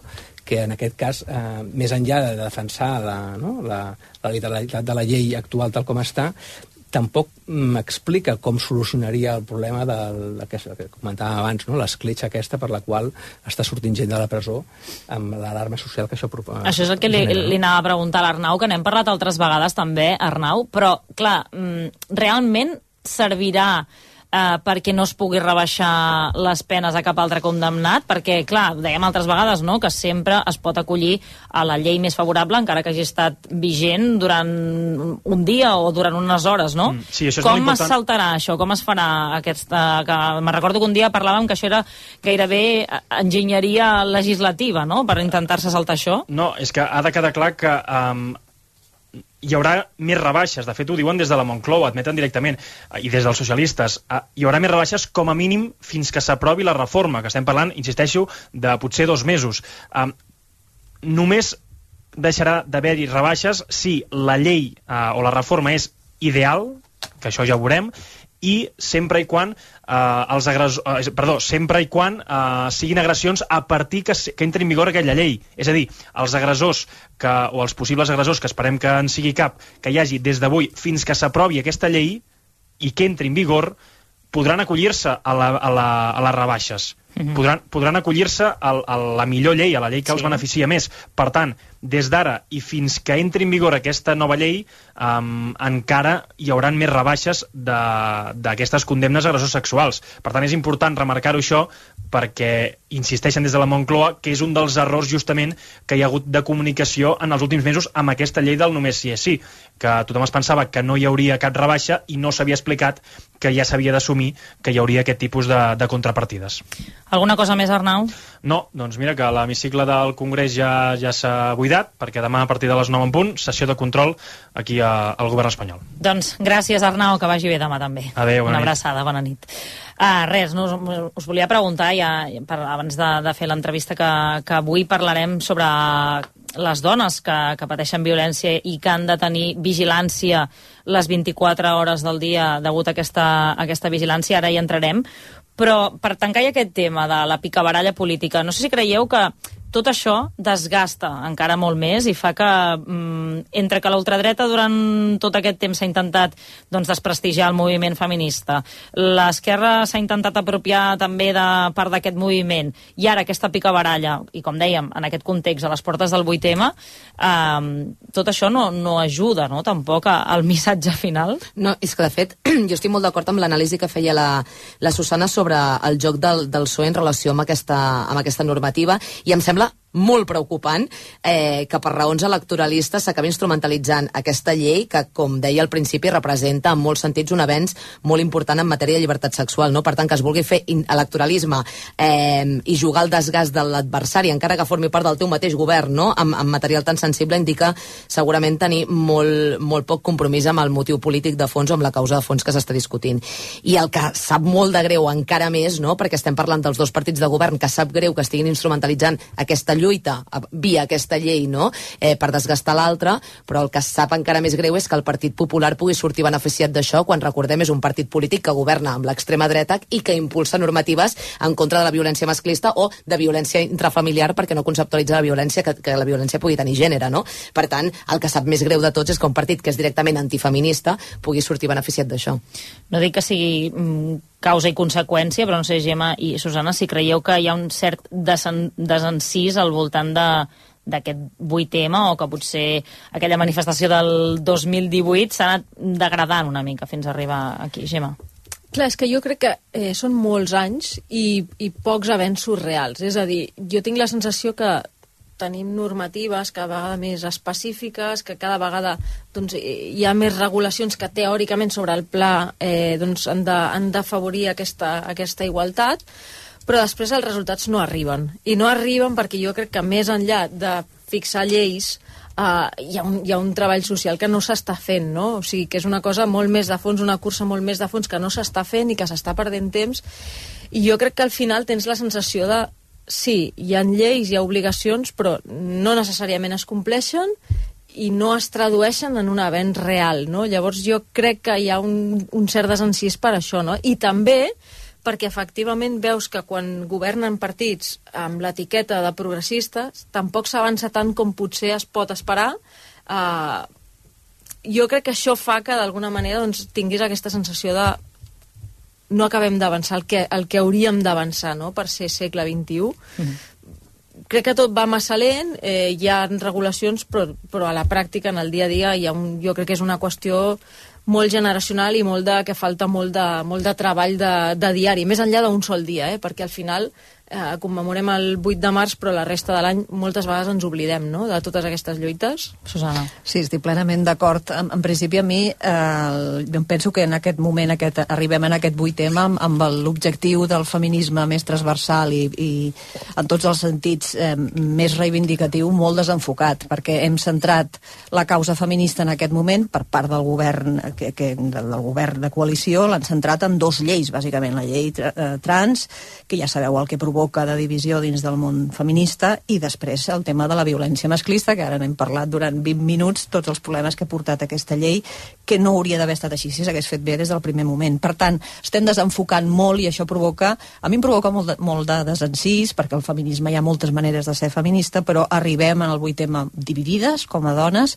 i, i, amb el, i amb el moviment molt desenfocat i certament la Gemma té tota la raó, em penso que la igualtat està molt lluny, avui hem fet un col·loqui a l'avantguàrdia que hi havia quatre representants de, del món feminista amb diferents sensibilitats i totes han conclòs amb el mateix, no? que, els, que els, els avenços que està havent hi són molt lents i que d'aquí que arribem a la plena igualtat encara falta moltíssim. I una de les coses que més es veu és quan ets mare a totes les renúncies que encara has de fer. No? Llavors estem parlant aquí de la llei trans, de si les dones, eh, si ser dona és un sentiment o no és un sentiment, o sigui, estem com desenfocant realment el, el que és la lluita. I això, eh, eh, amb aquesta divisió política i aquesta divisió social no, no ens beneficia gens ni a les feministes, ni a les dones, ni al moviment feminista.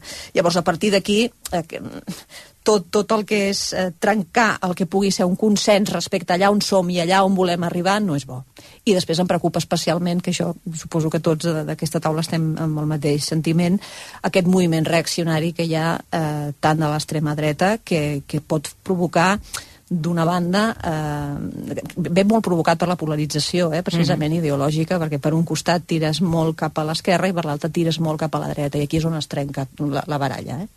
Falten dos minuts per tres quarts de deu de la nit, eh, ho hem avançat al sumari, actualment dèiem que hi ha set dones a Catalunya que tenen protecció policial pràcticament les 24 hores del dia, és perquè tenen un risc molt alt de poder morir assassinades per les seves parelles. Eh, en total, els Mossos vigilen a 96 víctimes de violència masclista, 72 tenen un risc mitjà de morir assassinades, n'hi ha 15 més amb un risc alt i aquestes 7 que dèiem que tenen aquest risc molt alt i que per tant han de viure amb aquesta escorta permanent. Eh, per això a aquesta hora volíem saludar la Mireia Blanco, que és integradora social i també és coordinadora dels serveis d'urgència de la Fundació AGI, que està especialitzada en atenció a les víctimes de la violència masclista i de gènere. Senyora Blanco, bona nit. Hola, bona nit. Després li preguntaré per aquestes dades que, que avançàvem fa, fa una estona, però deixi'm que comenci per, per aquesta reforma de la llei del només sí és sí, que, que n'hem estat parlant durant tota aquesta estona a la tertúlia, que fa poca estona doncs, que s'ha fet aquesta votació. No sé si fins a quin punt li fa por que, que això, si acaba tirant endavant, avui dèiem que és un primer tràmit, si acaba tirant endavant, que pugui ser un factor de desprotecció de les, de les víctimes de violència de gènere bueno, a veure, sempre, que, sempre tenim aquesta por, no sabem eh, el que passarà. Eh, el que sí que tenim clar és que la llei ha de canviar, però a part de que hagi de canviar, eh, els jutges pensem que s'han de formar. S'han de formar tots els que porten jutges de violència de gènere perquè, bueno, estan passant cosetes que penso que no haurien de passar. Crec que una de les tasques que fa la seva entitat és acompanyar víctimes als jutjats quan han de declarar. Um, clar, no sé si en la majoria de casos es troba que les dones han de justificar excessivament el que, el que els ha passat. En quines situacions es troba quan les acompanya als jutjats? Bueno, a veure, d'entrada, quan, quan fem els acompanyaments al jutjat, eh, és la dona la que s'ha d'amagar en una habitació a part per no trobar-se amb l'agressor. O sigui, mai posen a l'agressor a part i la, i la dona pot, pot campar pel jutjat. Sempre, o sigui, continuen amagant-la, això d'entrada. Amb un quarto, de vegades és un quartet petit, molt petit, de vegades és una mica més ample, però d'entrada així. I després, a l'hora d'entrar a declarar, sí que ho fan separadament, això per, per judici ràpid, per aconseguir l'ordre de protecció. Eh? Mm -hmm. Però a, a les dones, eh, bueno, jo puc dir particularment que tot, de tots els acompanyaments que, que he fet, i, i he fet molts, eh, surten molt malament del jutjat, del, del jutjat perquè es senten molt qüestionades per la jutja. S'han sentit eh, violentades a... Per què? I... Per quin tipus de preguntes se senten qüestionades o què és el que fa a les preguntes del, del jutge o de la fiscalia o de la resta de, dels advocats de la defensa de, de l'agressor? Mm, què és el que les fa sentir així? Bueno, la majoria de, de dones, quan decideixen denunciar la violència, eh, ho fan quan ja porten molt de temps sent violentades. Una de les preguntes que les, els jutges fan és eh, per què no, no ha denunciat abans. O sigui, és com... Eh, la, les posa entre les cordes com... Les fan sentir que no les creuen. Mm -hmm. Val? Però em preguntes, per exemple, sobre el tema que dèiem, sobre el consentiment, o sobre si hi ha hagut eh, violència o no n'hi ha hagut, sobre si estava en plenes facultats o no estava en el moment de l'agressió? Quin, quin tipus de preguntes són les que fan que aquesta dona fa que se senti més vulnerable? Bueno, pre preguntes, eh, com has dit, eh, de si ella consentia, si havia dit que no, val? Eh, això, en, en el moment que se la dona al jutjat, que ja suposa que ha dit que no. Mm -hmm. no, no crec que ho hagi de, de dir al jutjat. Suposa que si està denunciant és que no volia això.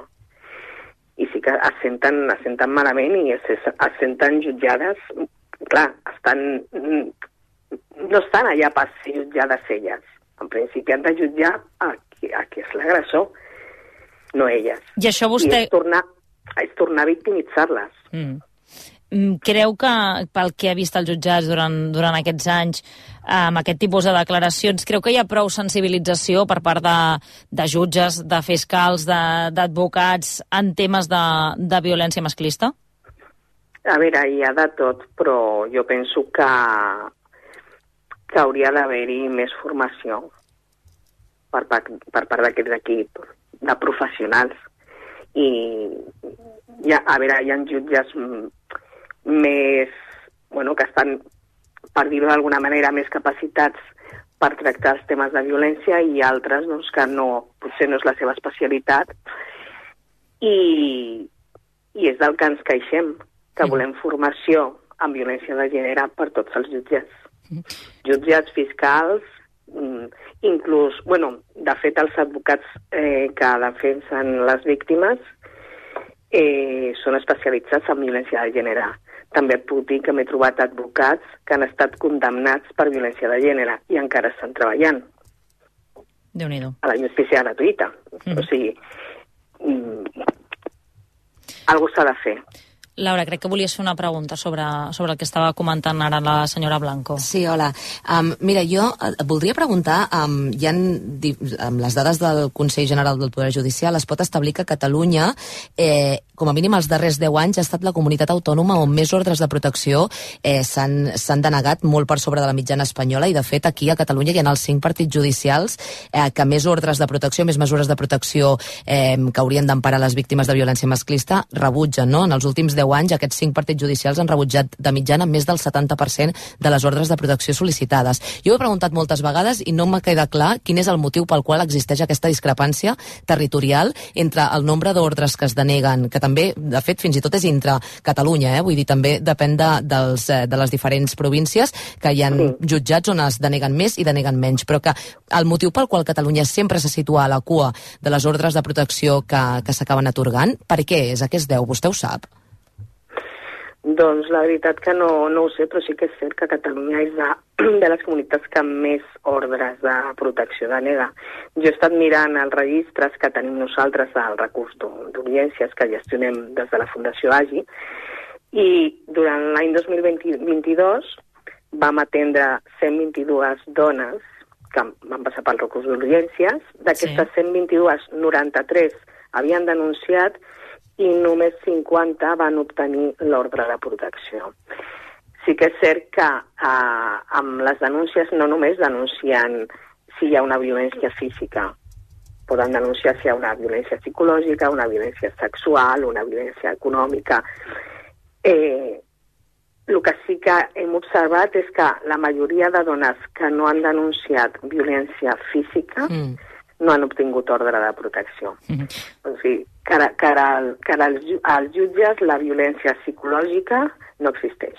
De fet, sobre això que comentava la Laura, eh, sí que Catalunya és la comunitat on es deneguen aquestes més ordres d'allunyament i l'any passat demanàvem dades, en tenim les del primer trimestre de l'any passat, les del 2022, i se'n van rebutjar més de 600 de les 1.200 que es van tramitar. Per tant, més de la meitat eh, es, van, es van rebutjar. Eh, sobre les dades que donàvem abans, també, eh, ens ha sorprès que hi hagi tan pocs casos de dones amb protecció les 24 hores. Com dèiem, són 7 a tota Catalunya, mentre que hem mirat, per exemple, les d'Euskadi, que són 48. Per tant, sí. són set vegades més que, que les que hi ha a, a Catalunya, que les que es protegeixen a, a Catalunya. Mm, clar, com és que aquí se'n donen tan poques? No parlo ja de general, sinó d'aquestes que estan en un, alt, en un risc molt alt de morir assassinades per les seves eh, parelles. A veure, jo desconec el motiu, però el que sí que et puc dir és que penso que hi ha falta d'efectius de, d'agents de Mossos d'Esquadra. O sigui, el grup d'atenció a la víctima, que és qui l'equip de, de Mossos que porta tot el tema de violència de gènere, mm, he de dir que treballen molt bé, mm. però els hi falta personal.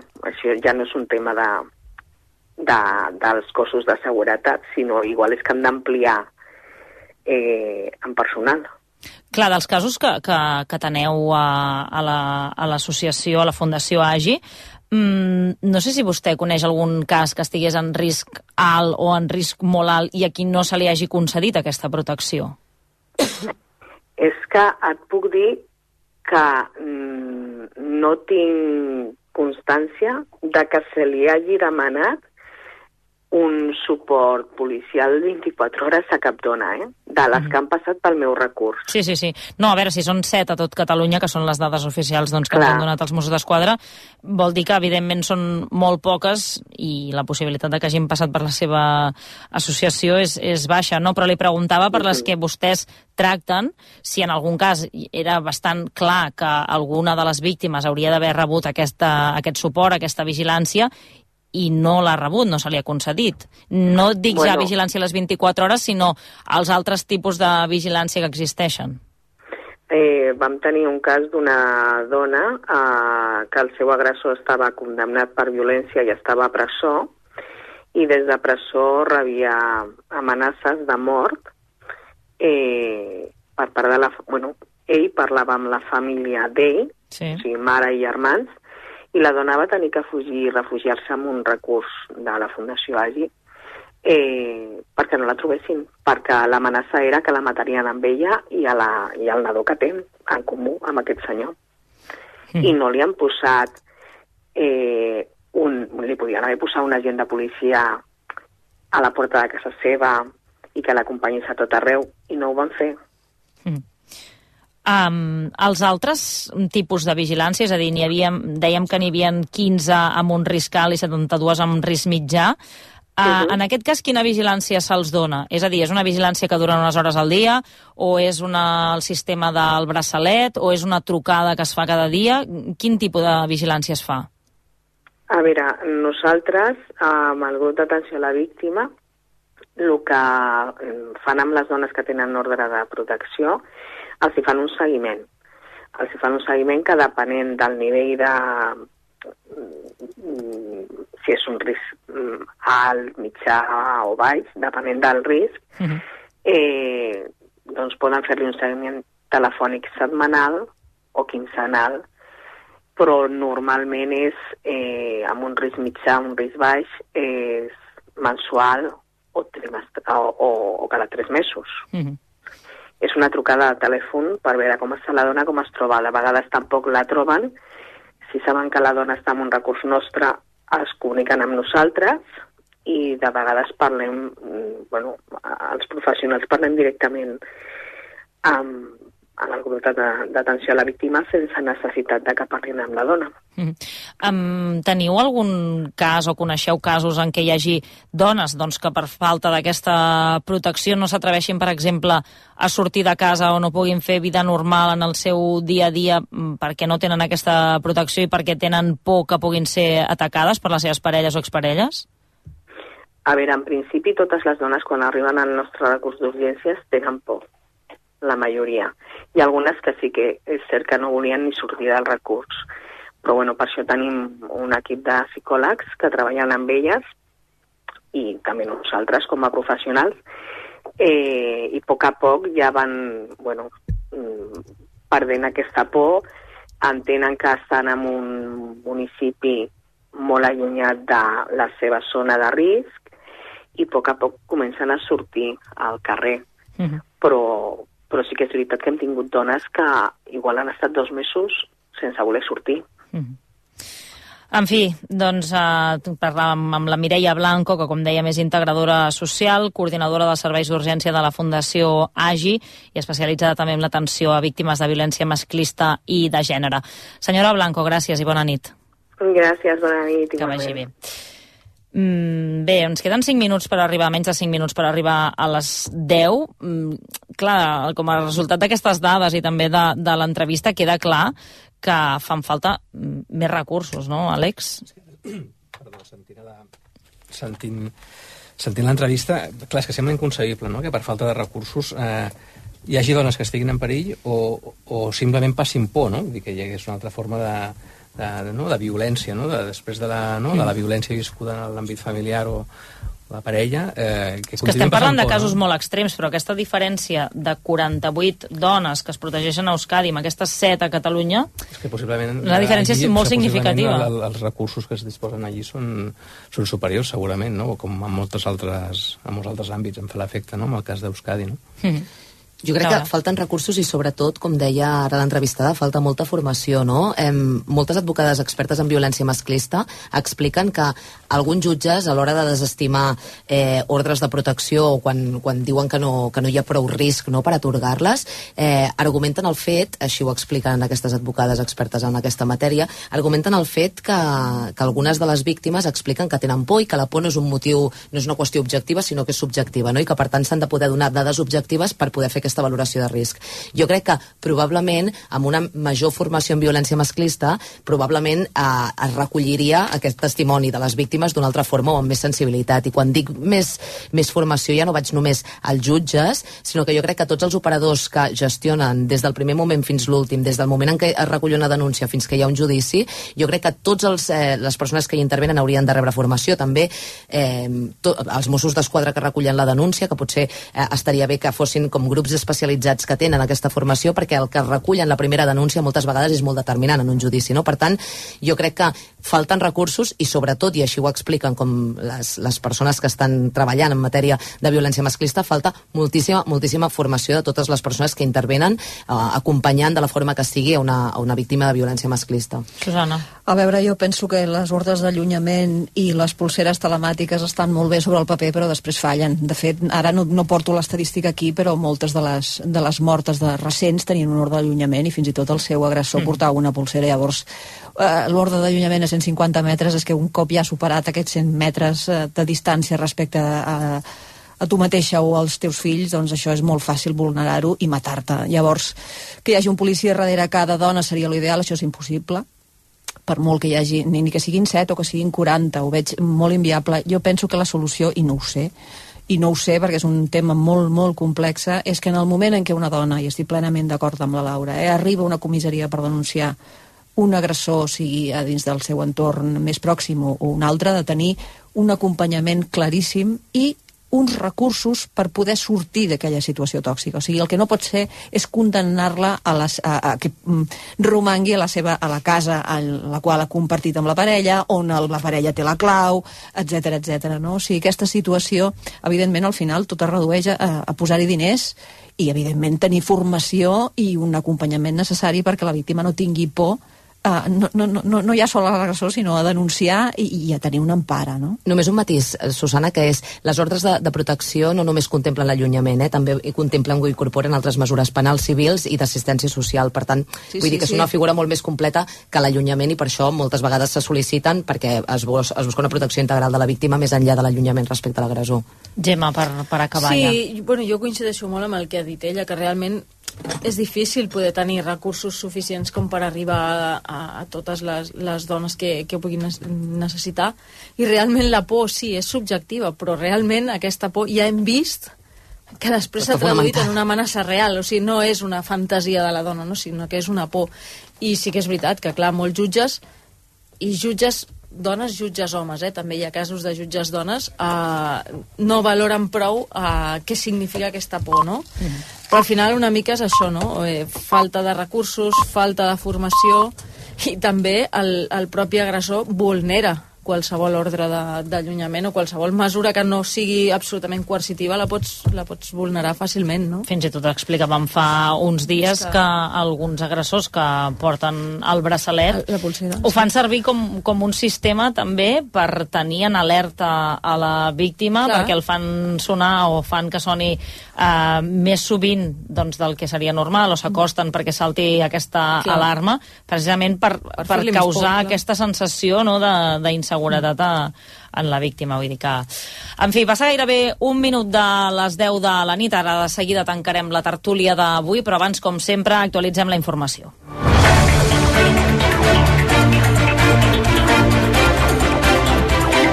Pep Tormos, bona nit. Bona nit. Què és el més destacat a aquesta hora? Doncs que el Congrés tira endavant la reforma de la llei del només sí és sí amb una votació que trenca el govern espanyol. El PSOE s'ha aliat amb el PP i Podem hi ha votat en contra. Última hora des del Congrés. Arnau Manyer, bona nit. Bona nit. El PSOE supera el primer tràmit per reformar la llei, però ho fa amb una pedra a la sabata. La seva proposta tira endavant amb l'aval de la dreta i l'extrema dreta i fa saltar pels aires les relacions dins la coalició del govern espanyol. Finalment, han estat 231 vots a favor, 56 en contra i 58 abstencions. Tot tot plegat a les portes del 8M i després d'un debat al Congrés amb retrets molt gruixuts entre socialistes i Podem. Un cop superat aquest primer punt de partit, tindran algunes setmanes de marge, fins i tot un parell de mesos per acordar una reforma consensuada entre les dues ànimes del govern espanyol. Gràcies, Arnau. Bona nit. Bona nit. I sobre això, les entitats que tenen víctimes de violència masclista demanen més formació als jutges. Creuen que magistrats i fiscals s'han d'actualitzar a l'hora de tractar casos de violència sobre la dona. Retreuen a la justícia que si no hi ha violència física no es concedeixen mesures de protecció i que no tenen en compte la, viol la violència psicològica. La coordinadora de serveis d'urgència a la Fundació AGI, Mireia Blanco, ho deia en una entrevista al 9C. Surten molt malament del, jutjat, del, del jutjat perquè es senten molt qüestionades per la jutja. S'han sentit violentades. Una de les preguntes que les, els jutjats fan és eh, perquè no, no ha denunciat abans. La, les posa entre les cordes com... Les fan sentir que no les creuen Actualment hi ha 7 dones a Catalunya en protecció policial 24 hores al dia per un risc molt alt de morir assassinades per les seves parelles o exparelles. En total, la policia vigila 96 víctimes de violència masclista. Un vuitema que arriba amb diverses manifestacions convocades i també amb vaga general de 24 hores. L'aturada la convoca el moviment feminista i alguns sindicats com la Intersindical o la CGT. L'acte central del vuitema serà la manifestació unitària que es farà a Barcelona a dos quarts de set de la tarda des de plaça Universitat. L'ha convocat l'Assemblea vuitema i el recorregut acabarà al passeig Lluís Companys on es llegirà el manifest. Les protestes també repetiran a Tarragona, Lleida i Girona. Per demà, el Departament de Treball ha fixat serveis mínims del 85% a metro, ferrocarrils de la Generalitat, Rodalies o al tram. A l'educació hi ha d'haver com a mínim dos mestres per cada quatre classes a primària i a l'ESO hi haurà d'haver un professional cada tres classes. I canviant de tema, el preu mitjà d'un pis de lloguer a Barcelona està a tocar del salari mínim. Llogar un pis costa de mitjana 1.077 euros, 3 euros per sota de l'SMI. Ho diuen les dades de la Generalitat d'octubre-desembre de l'any passat, unes estadístiques que es basen en les fiances que es dipositen a l'Incasol. Aquests gairebé 1.080 euros de mitjana suposen eh, un 4% més que l'any anterior i marca un nou rècord històric. Dels 10 districtes de la ciutat, a 6 el lloguer supera els 1.000 euros i a 3 districtes, Eixample, Sarrià, Sant Gervasi i les Corts, supera el salari mínim. A Girona frega els 700 euros, a Tarragona es queda 637 i a Lleida en 537 euros. Gràcies, Pep, bona nit. Bona nit. Pel que fa als esports, Aleix Pariser, bona nit. Hola, bona nit, Anna. Què fareu al Tu diràs a banda d'aquesta novetat que ens heu avançat abans al No sé? Sí, és evident que obrirem el programa avui amb aquesta notícia que hem avançat a rac Aquest vespre, Rosalia serà la gran protagonista del clàssic de Lliga al Camp Nou del pròxim 19 de març. El Barça lluirà un logotip de la cantant catalana de forma excepcional a la seva samarreta. Canviarà el logo de Spotify, que és l'habitual, per un logotip relacionat amb Rosalia, com ja va fer l'any passat amb el cantant Drake al Santiago Bernabéu en un altre clàssic de Lliga. Eh, explicarem tots els detalls que hem pogut saber a rac i, evidentment, eh, comentarem aquesta notícia que ha tingut un impacte real mundial. Eh, no faltaria més, no?, amb, amb, amb la Rosalia, amb la cantant catalana més internacional que tenim ara mateix. Eh, farem tertúlia amb Joan Maria Pou, amb Àlex Pintanel i amb Edu Polo. Estem pendents de la jornada de Champions. Hem d'escoltar la Porta i Xavi, que avui han parlat en diversos actes i han Sí. dit coses molt interessants. I també estem molt pendents de l'homenatge que li fan els Lakers a Pau Gasol aquesta pròxima matinada. Serem en directe al tram final del Tu diràs a Los Angeles per saber què s'està coent, perquè serà cap a les 4 de la matinada la retirada de la samarreta de Pau Gasol a Los Angeles. Doncs tot això, a partir de dos quarts d'onze, com cada dia el Tu diràs. Fins ara, Aleix, bona Fins nit. ara, gràcies. I el temps amb l'Abel Caral. Abel, bona nit. Bona nit. Demà, què, arribarem 25 graus, sí o no? Jo crec que ens hi podem acostar i podem arribar-hi. Cap a la Vall de l'Ebre, Ribera d'Ebre, algun sector del Segrià, cap a... Cap al, cap, ja veig aquí Hi ha alegria, eh? Hi ha alegria entre els d'entusiasme tertulians. d'entusiasme, uh, però serà de manera puntual, aquests 25, Vall de l'Ebre, uh, cap Laura, al Baix no Segre... confiïs, eh? Però escolta, Ja. però 20, 21, 22, però amb molts... Aquí també estic bé. que molts tu també. crec Estic, que, aquí estic bé, estic bé. que Si superem la, la barrera dels 20 ja estic bé. Imagina't. I doncs sí, la superarem a moltes comarques, eh? De 18 a 23 graus a la majoria casos, després d'una nit menys freda. De fet, ara mateix tenim encara temperatures de 17, 18, 19 graus en alguns sectors de les comarques de Tarragona. També tenim 6, 7 o 8 cap a Osona, eh, per exemple. Uh, però bé, en tot cas no serà una nit tan freda com les anteriors. I entre mig dia, mig matí i mitja tarda, mm, amb bastant de vent, eh? No sé si el vent us molesta, però A mi sí. cap a les comarques de. Barcelona, eh, incloent Barcelona i àrea metropolitana, cap a Ponent, ja no nord de les comarques de Tarragona, vent que pot arribar als 40, 50, 60 km per hora. No és una gran ventada, però sí que és vent doncs, que pot empipar algú i que és el responsable, per l'altra banda, que les temperatures també es disparin, o si més no en part. No es pot tenir tot, oi? No, està clar.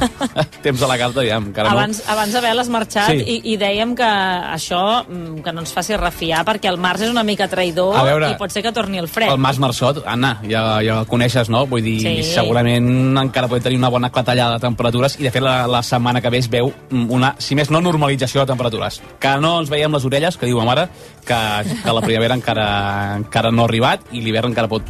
No m'hi diré així. No canvi, d'armari, no, Laura. Canvi d'armari encara encara no. podem tenir alguna fuetada i ja no només al març, sinó a vegades a l'abril mm, encara poden baixar bastant les temperatures. Allà, però de moment a gaudir d'aquesta... Ah, exacte, sí, sí, vivim el present. Gràcies, Abel, que vagi, Que vagi bé, fins nit. demà.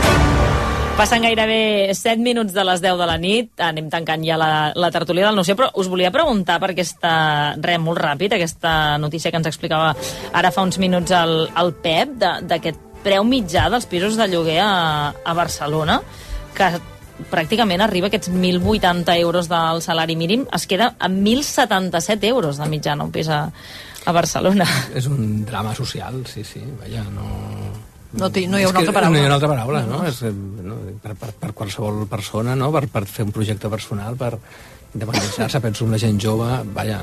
És que fa temps que, que trimestralment no, anem actualitzant aquesta dada i sempre és més alta que, sí, sí. que l'anterior. No? És que jo crec que la paraula és criminal, no? És, és, és absolutament criminal. Jo crec que impossibilitar el dret d'accedir a un habitatge a moltes persones, que estem parlant moltes vegades de les ocupacions com el principal problema de l'habitatge, però tenim un problema que va molt més enllà, que és l'accés a, a, a una llar, és, és l'accés a poder independitzar-te per moltes persones joves i poder iniciar el seu projecte de vida, com deia ara el company, i, i evidentment doncs, és que anem de pujada en pujada i a més a més qualsevol temptativa de regulació del preu del lloguer perquè la cosa sigui una mica menys sagnant, doncs veiem com acaba no? quan arriba al Tribunal Constitucional. Clar, i és, és l'expulsió dels barcelonins. És a dir, ja no és que jo, que no sóc barcelonina, no em puc plantejar venir Mm. a Barcelona, sinó que els barcelonins eh, que tenen aquí doncs, els pares, els avis, la família, eh, independitzar-se probablement vol dir marxar de la ciutat, no? Llavors, jo crec que això va molt més enllà d'un preu alt, és, és, és d'alguna manera estàs destruint Barcelona, o sigui, estàs impedint que els barcelonins puguin seguir vivint a Barcelona. Ja no et dic que la gent pugui venir a viure a Barcelona per altres raons, és que viure aquí s'està fent, fent un impossible, no? O sigui, Mhm. realment...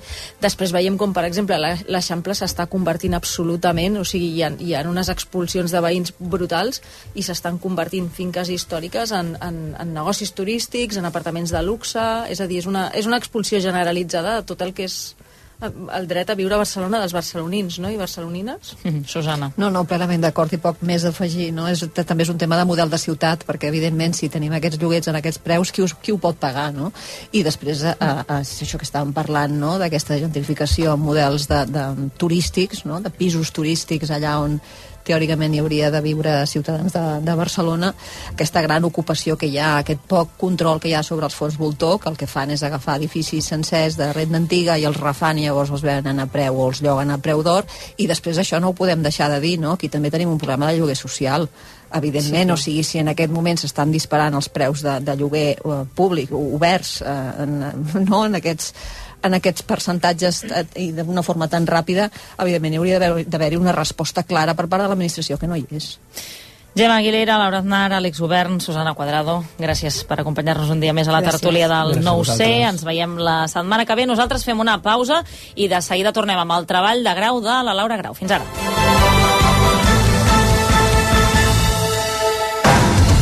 No ho sé, amb Anna Ballonesta.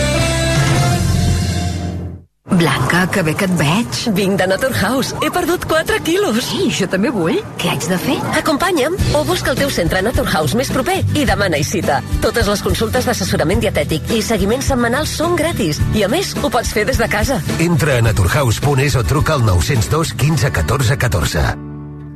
Un dia més i encara no saps com reclamar la factura de la llum?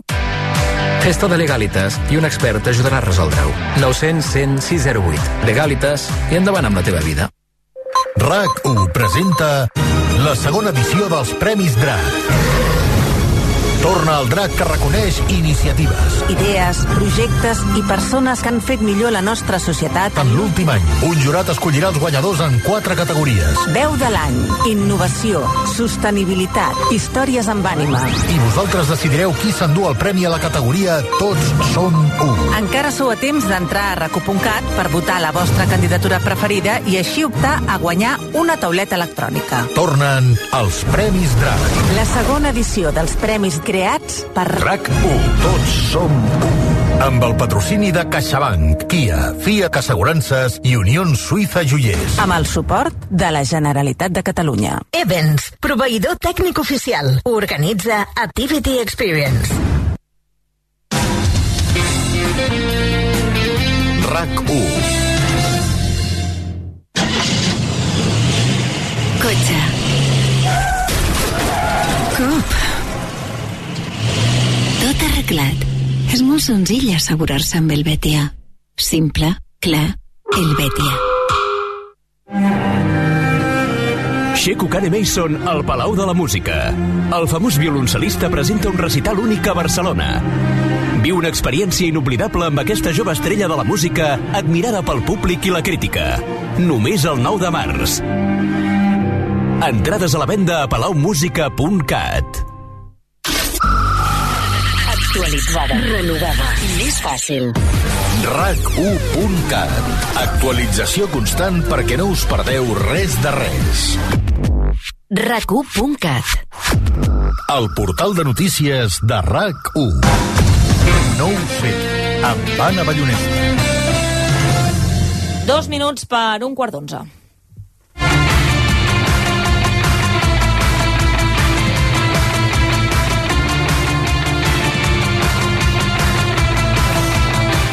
Laura Grau, com estàs? Molt bé. Quants dies, eh? Sí, de fet ara estava escoltant la cinta pensant... No "Uah". recordaves ja que era aquesta? Sí, sí, quan la vam triar aquesta cinta? Al setembre, no? Ja ho saps, aquestes coses que té el futbol, doncs que ha fet que estiguem distanciades Ai, uns quants sí, dies. per favor. Però avui arribes a això, a poques hores d'aquest 8 de març, i avui el treball de Grau va sobre polèmiques eh, que han trasbalsat el feminisme a través de les xarxes socials. Sí, perquè sovint parlem molt dels homes que posen en dubte els nostres discursos feministes i encenen les xarxes, no? polítics de l'ultradreta, streamers de la famosa manusfera, presentadors de tele... Però mentre tot això passa, també som sovint nosaltres mateixes les que ens tirem els plats pel cap. I és una cosa que ha passat molt últimament i que sembla que cada vegada va a més amb tota aquesta Sí. sí. cultura de la immediatesa que tenim, sobretot a Twitter i aquestes xarxes que són més ràpides i, i més tòxiques, no? on hi ha més anonimat i la gent doncs, no té tantes barreres a l'hora de dir-te les coses, tot i que internet jo crec que ha tingut un paper capdalt als últims anys en el feminisme, perquè, per exemple, tot el moviment MeToo va sortir d'allà i va ser el que va impulsar la primera vaga del 2018, però crec que s'està tornant molt perillosa aquesta, aquesta mena de bombolla d'opinió que s'està creant en, en, envers certs temes, perquè està generant com nous discursos d'odi a part de, dels que ja ens, ens van tirant els homes per sistema des de tota la vida, no? Llavors, eh, avui us volia portar això, com diverses influencers i comunicadores Sí. que jo he anat seguint i que he anat veient eh, com, com anava evolucionant la seva trajectòria de tenir molta aprovació social a de cop i volta tenir un rebuig molt bèstia de part de certs sectors del, del feminisme. Parlarem molt de mm, i comunicadores espanyoles perquè aquí a Catalunya som quatre gates i per sort o per desgràcia encara no ens passen aquestes coses i quan siguem més potser ens passen, però de moment analitzem el que passa fora. Va, doncs per aquí comencem, Laura. Doncs per la Cindy Takanashi. La Cindy és una noia que dir, té... explica'm qui és perquè no la conec ara Sí. mateix. És una Cindy noia- Takanashi. Sí, sí, sí, fa contingut a les xarxes socials de, des de fa temps, però eh, als 18 anys va començar a prostituir-se en secret per poder-se pagar la universitat i més endavant va ser quan es va obrir un centre d'estètica de, de pintar ungles i va començar a fer contingut a les xarxes fent-se així influencer, no? Llavors ella parla de diversos temes dins del feminisme, però jo he de dir que me l'escolto amb molta atenció quan parla de prostitució, perquè és un tema que no Un- tinc gaire Sí, sí, és controlat tot un debat, sí, sí. i ella, evidentment, doncs ho ha viscut. Cuando la gente compara eh, la prostitución con cualquier otro tipo de trabajo, mm, por ejemplo, fregar escaleras, se está olvidando de algo muy importante, que es que cuando tú estás fregando escaleras, es una persona haciendo el servicio de fregar la escalera. Cuando tú estás siendo prostituida, tú estás siendo la fregona con la que se friegan las escaleras. Si realmente es un trabajo, ¿por qué tú lo puedes hacer dormida, drogada, borracha, inconsciente o incluso muerta? Es convertir el cuerpo de la mujer en una cosa, es la imagen de la cosificación. Clar, té molta opinió sobre el tema Sí, sí. i jo entenc que hi hagi qui no hi està d'acord, no? o qui cregui que s'ha de fer una cosa o una altra, però mm, jo me l'escolto força. Llavors, eh, la gent a internet, a part de contradir-li coses que ella mateixa ha viscut, des de que és famosa i que ja doncs, té com a mena d'estatus no, dins de la xarxa, se l'ataca per comentaris que es treuen de context, jo crec, en moments molt concrets d'Instagram Stories, per exemple, com aquest que ara posarem, que va generar moltíssim debat. ¿Dónde puedo comprar un muñeco que tenga genitales, es decir, que tenga concretamente pene? Porque eh, no entiendo por qué los muñecos no tienen genitales y quiero explicarle a Minerva que su hermano tiene pene y que lo que tiene se llama pene y que los niños tienen pene y las niñas tienen vagina o vulva, mejor dicho, eh, y, y quiero explicárselo con muñecos. clar, aquest missatge, no, de, parlant de nines i parlant mm. dels seus fills i de com podia explicar els genitals, doncs es va interpretar com un missatge transfo, perquè realment l'eslògan doncs, és molt semblant. Recorda, per exemple, el yeah. Dazte Oír, i aquí va ser quan va començar doncs, a tota una espècie d'atac del moviment eh, del moviment trans a internet, doncs, acusant-la de, de transfoba i invalidant qualsevol dels seus Però discursos. creus que ella anava per aquí? Amb... Clar, és que jo no la conec personalment i tampoc he vist moltes declaracions on vagi cap a aquesta direcció, però sí que és no, veritat no, deia que... com que la segueixes habitualment així, si creus Sí. que pel seu missatge té coherència que aquest fos realment el seu objectiu o... Mm, Jo penso que no. Tot i així penso que hi ha molta gent que té dubtes sobre aquest tema i que no, no sap expressar-los de la manera correcta i llavors se la malinterpreta i com que és un tema molt sensible, doncs de seguida se l'ataca. Llavors és una cosa que em fa patir perquè penso que aquesta noia doncs, ha portat molt fins ara i em sabria greu doncs, això, que, que es desestabilitzés per culpa d'aquests atacs a internet. Però vaja, que no és l'única que li ha Clar, passat. a dir, no, n'hi ha moltes més, no?, de, de casos o d'exemples com el seu. Sí, i de fet, dins del col·lectiu trans, pròpiament dit, també passa, per exemple, amb la Gedet, que és una altra referent Sí. dins del feminisme trans, que té 30 anys, és actriu, eh, cantant, influencer des del 2016, i es va posar en un jardí també parlant amb la Cindy, de fet, en el seu programa, sobre la llei trans. Ley trans ya, pero una con coherencia, porque aquí me, viene, me vienen cuatro tontos de mierda y voy a decir lo que me salga del coño. Mira, no me voy a censurar. Me vienen aquí eh, los del colorcito este del partido, ¿vale? Me vienen de hipermodernos y lo que no se dan cuenta mi colectivo es que los, los están usando como borregos para llegar al poder. No les importan nuestros derechos, una puta basura, les importa una mierda. Carai. Clar, aquí es va posar una ella mica sempre- contundent la Ella Gedet. sempre parla clar, eh? Vull Sí. dir que no, no ens ve ara tampoc de, de nou aquest, aquest to, uh, però sí que, bueno, m'imagino Sí. que... No sé, si- a qui va agradar i a qui no aquest, aquest missatge de Gedet. Clar, el tema és que, que llavors tot el col·lectiu trans se li va tirar a sobre, sobretot per falta d'arguments, perquè aquí l'únic que fa és despotricar i, i deixar el Ministeri d'Igualtat mm, al pel terra, però sense acabar d'explicar el per què ella està tan en contra. Llavors ella es va veure molt atacada per tots aquests comentaris i de seguida va rectificar. No he dicho en ningún momento estoy en contra de la ley trans. No, yo no estaba informada. Fui ignorante en eso. Home, doncs mira, mm, reconèixer-ho a vegades ja és molt, eh? Perquè quanta gent deixa anar coses... I després, per orgull, Que després no... fins al final. No sé si després de dir això van seguir aquestes crítiques o, o van acabar aquí. Van seguir les crítiques, és això, per orgull, a vegades la gent tampoc sap veure doncs, aquests tipus de gestos que crec que honoren a les persones i es van barrejar també amb comentaris tillant-la doncs, de blanca, de rica, de privilegiada, que sempre s'ha pogut fer totes les operacions estètiques que ha volgut, fins a aconseguir doncs, aquest anhelat cispassing, que és el que fa que les persones trans doncs, tinguin una mica menys de problemes a l'hora d'anar pel món. I, I és veritat que altres eh, persones dins del col·lectiu trans que respectem moltíssim, com per exemple la Samantha Hudson, eh, va opinar sobre aquesta polèmica i no va acabar de defensar-la, però vaja, ho va expressar d'una altra manera més respectuosa. Tenías razón en lo que decías. Cuando tú eres una persona que está en el ojo público, hablas de manera pública en un programa, pues de alguna manera también creo que tienes que estar dispuesta a eso, ¿no? Y exponerte y saber gestionarlo. Si no te va bien, es legítimo, es lícito, quizás deberías dejar de hacer declaraciones, ¿no? Y no, no va por Yedet en concreto, va, va por todas las personas, ¿no? Clar, m'imagino, mm, per això que sentíem ara, que la mateixa Samantha també deu haver rebut acusacions, oi?, per, per alguna de les coses que, que ha dit. Doncs és curiós perquè em fa por que s'hagi de menjar aquesta frase que hem escoltat ara amb patates, mm, però de moment no, no he tingut gaires polèmiques. Jo No, crec que eh? és una tia molt intel·ligent que sap medir molt bé el que diu, és artista des de fa temps, la Samantha Hudson té 23 anys i també és actriu, cantant, veu referent a internet des de que, i història curiosa que em fa molta gràcia, va generar un escàndol públic quan va publicar un videoclip als, a, a, amb 15 anys per un treball de l'Institut contra l'Església Catòlica, reivindicant els seus drets doncs, com a maricón, com a trans, com a persona dissident, etc. I des d'aquell moment, des d'aquests 15 anys que va decidir tirar per aquest camí, a les seves performances deixa anar perles com aquesta que va pronunciar el seu show durant els Premis Feroz de l'any passat. Creo que la vida es muy corta para vivir tan limitada. Y no sé vosotras, pero yo por lo menos no estoy dispuesta a ceñirme a un guion tan acotado porque, señoras y señores, y todo lo que hay en medio, para disfrutar de la vida, igual que para hacer una buena película, no hace falta encastillarse en ningún género. Muchas gracias a todos. És que és la millor, és una crac. Uh, I una altra de les referents feministes que està surfejant aquesta onada d'autocensura com pot dins de les dones activistes de l'esfera pública espanyola és la Inés Hernán. Mm, és una tia que va començar fent vídeos a YouTube sobre dret perquè és advocada realment Sí. de, de professió, però ara la sentim dient coses com aquesta per platós tan populars com els de televisió espanyola o, en aquest cas, a La Resistencia. De hecho, Benidorm, ojo, es ciudad de la, de la acogida de la diversidad, David, y de todas estas cosas. Ah, bueno, sí, claro, claro. Bueno, diversidad, todo tal. Incluso he visto, eh, o sea, con, con pleno respeto, ver a- paseando a parejas heterosexuales por ahí. O sea, Como si sin nada, problema. ¿eh? No, no, o Y sea, nadie- y nadie les iban, de decía- la, iban de la mano, se les respetaba. Una pareja de heteros, ¿eh?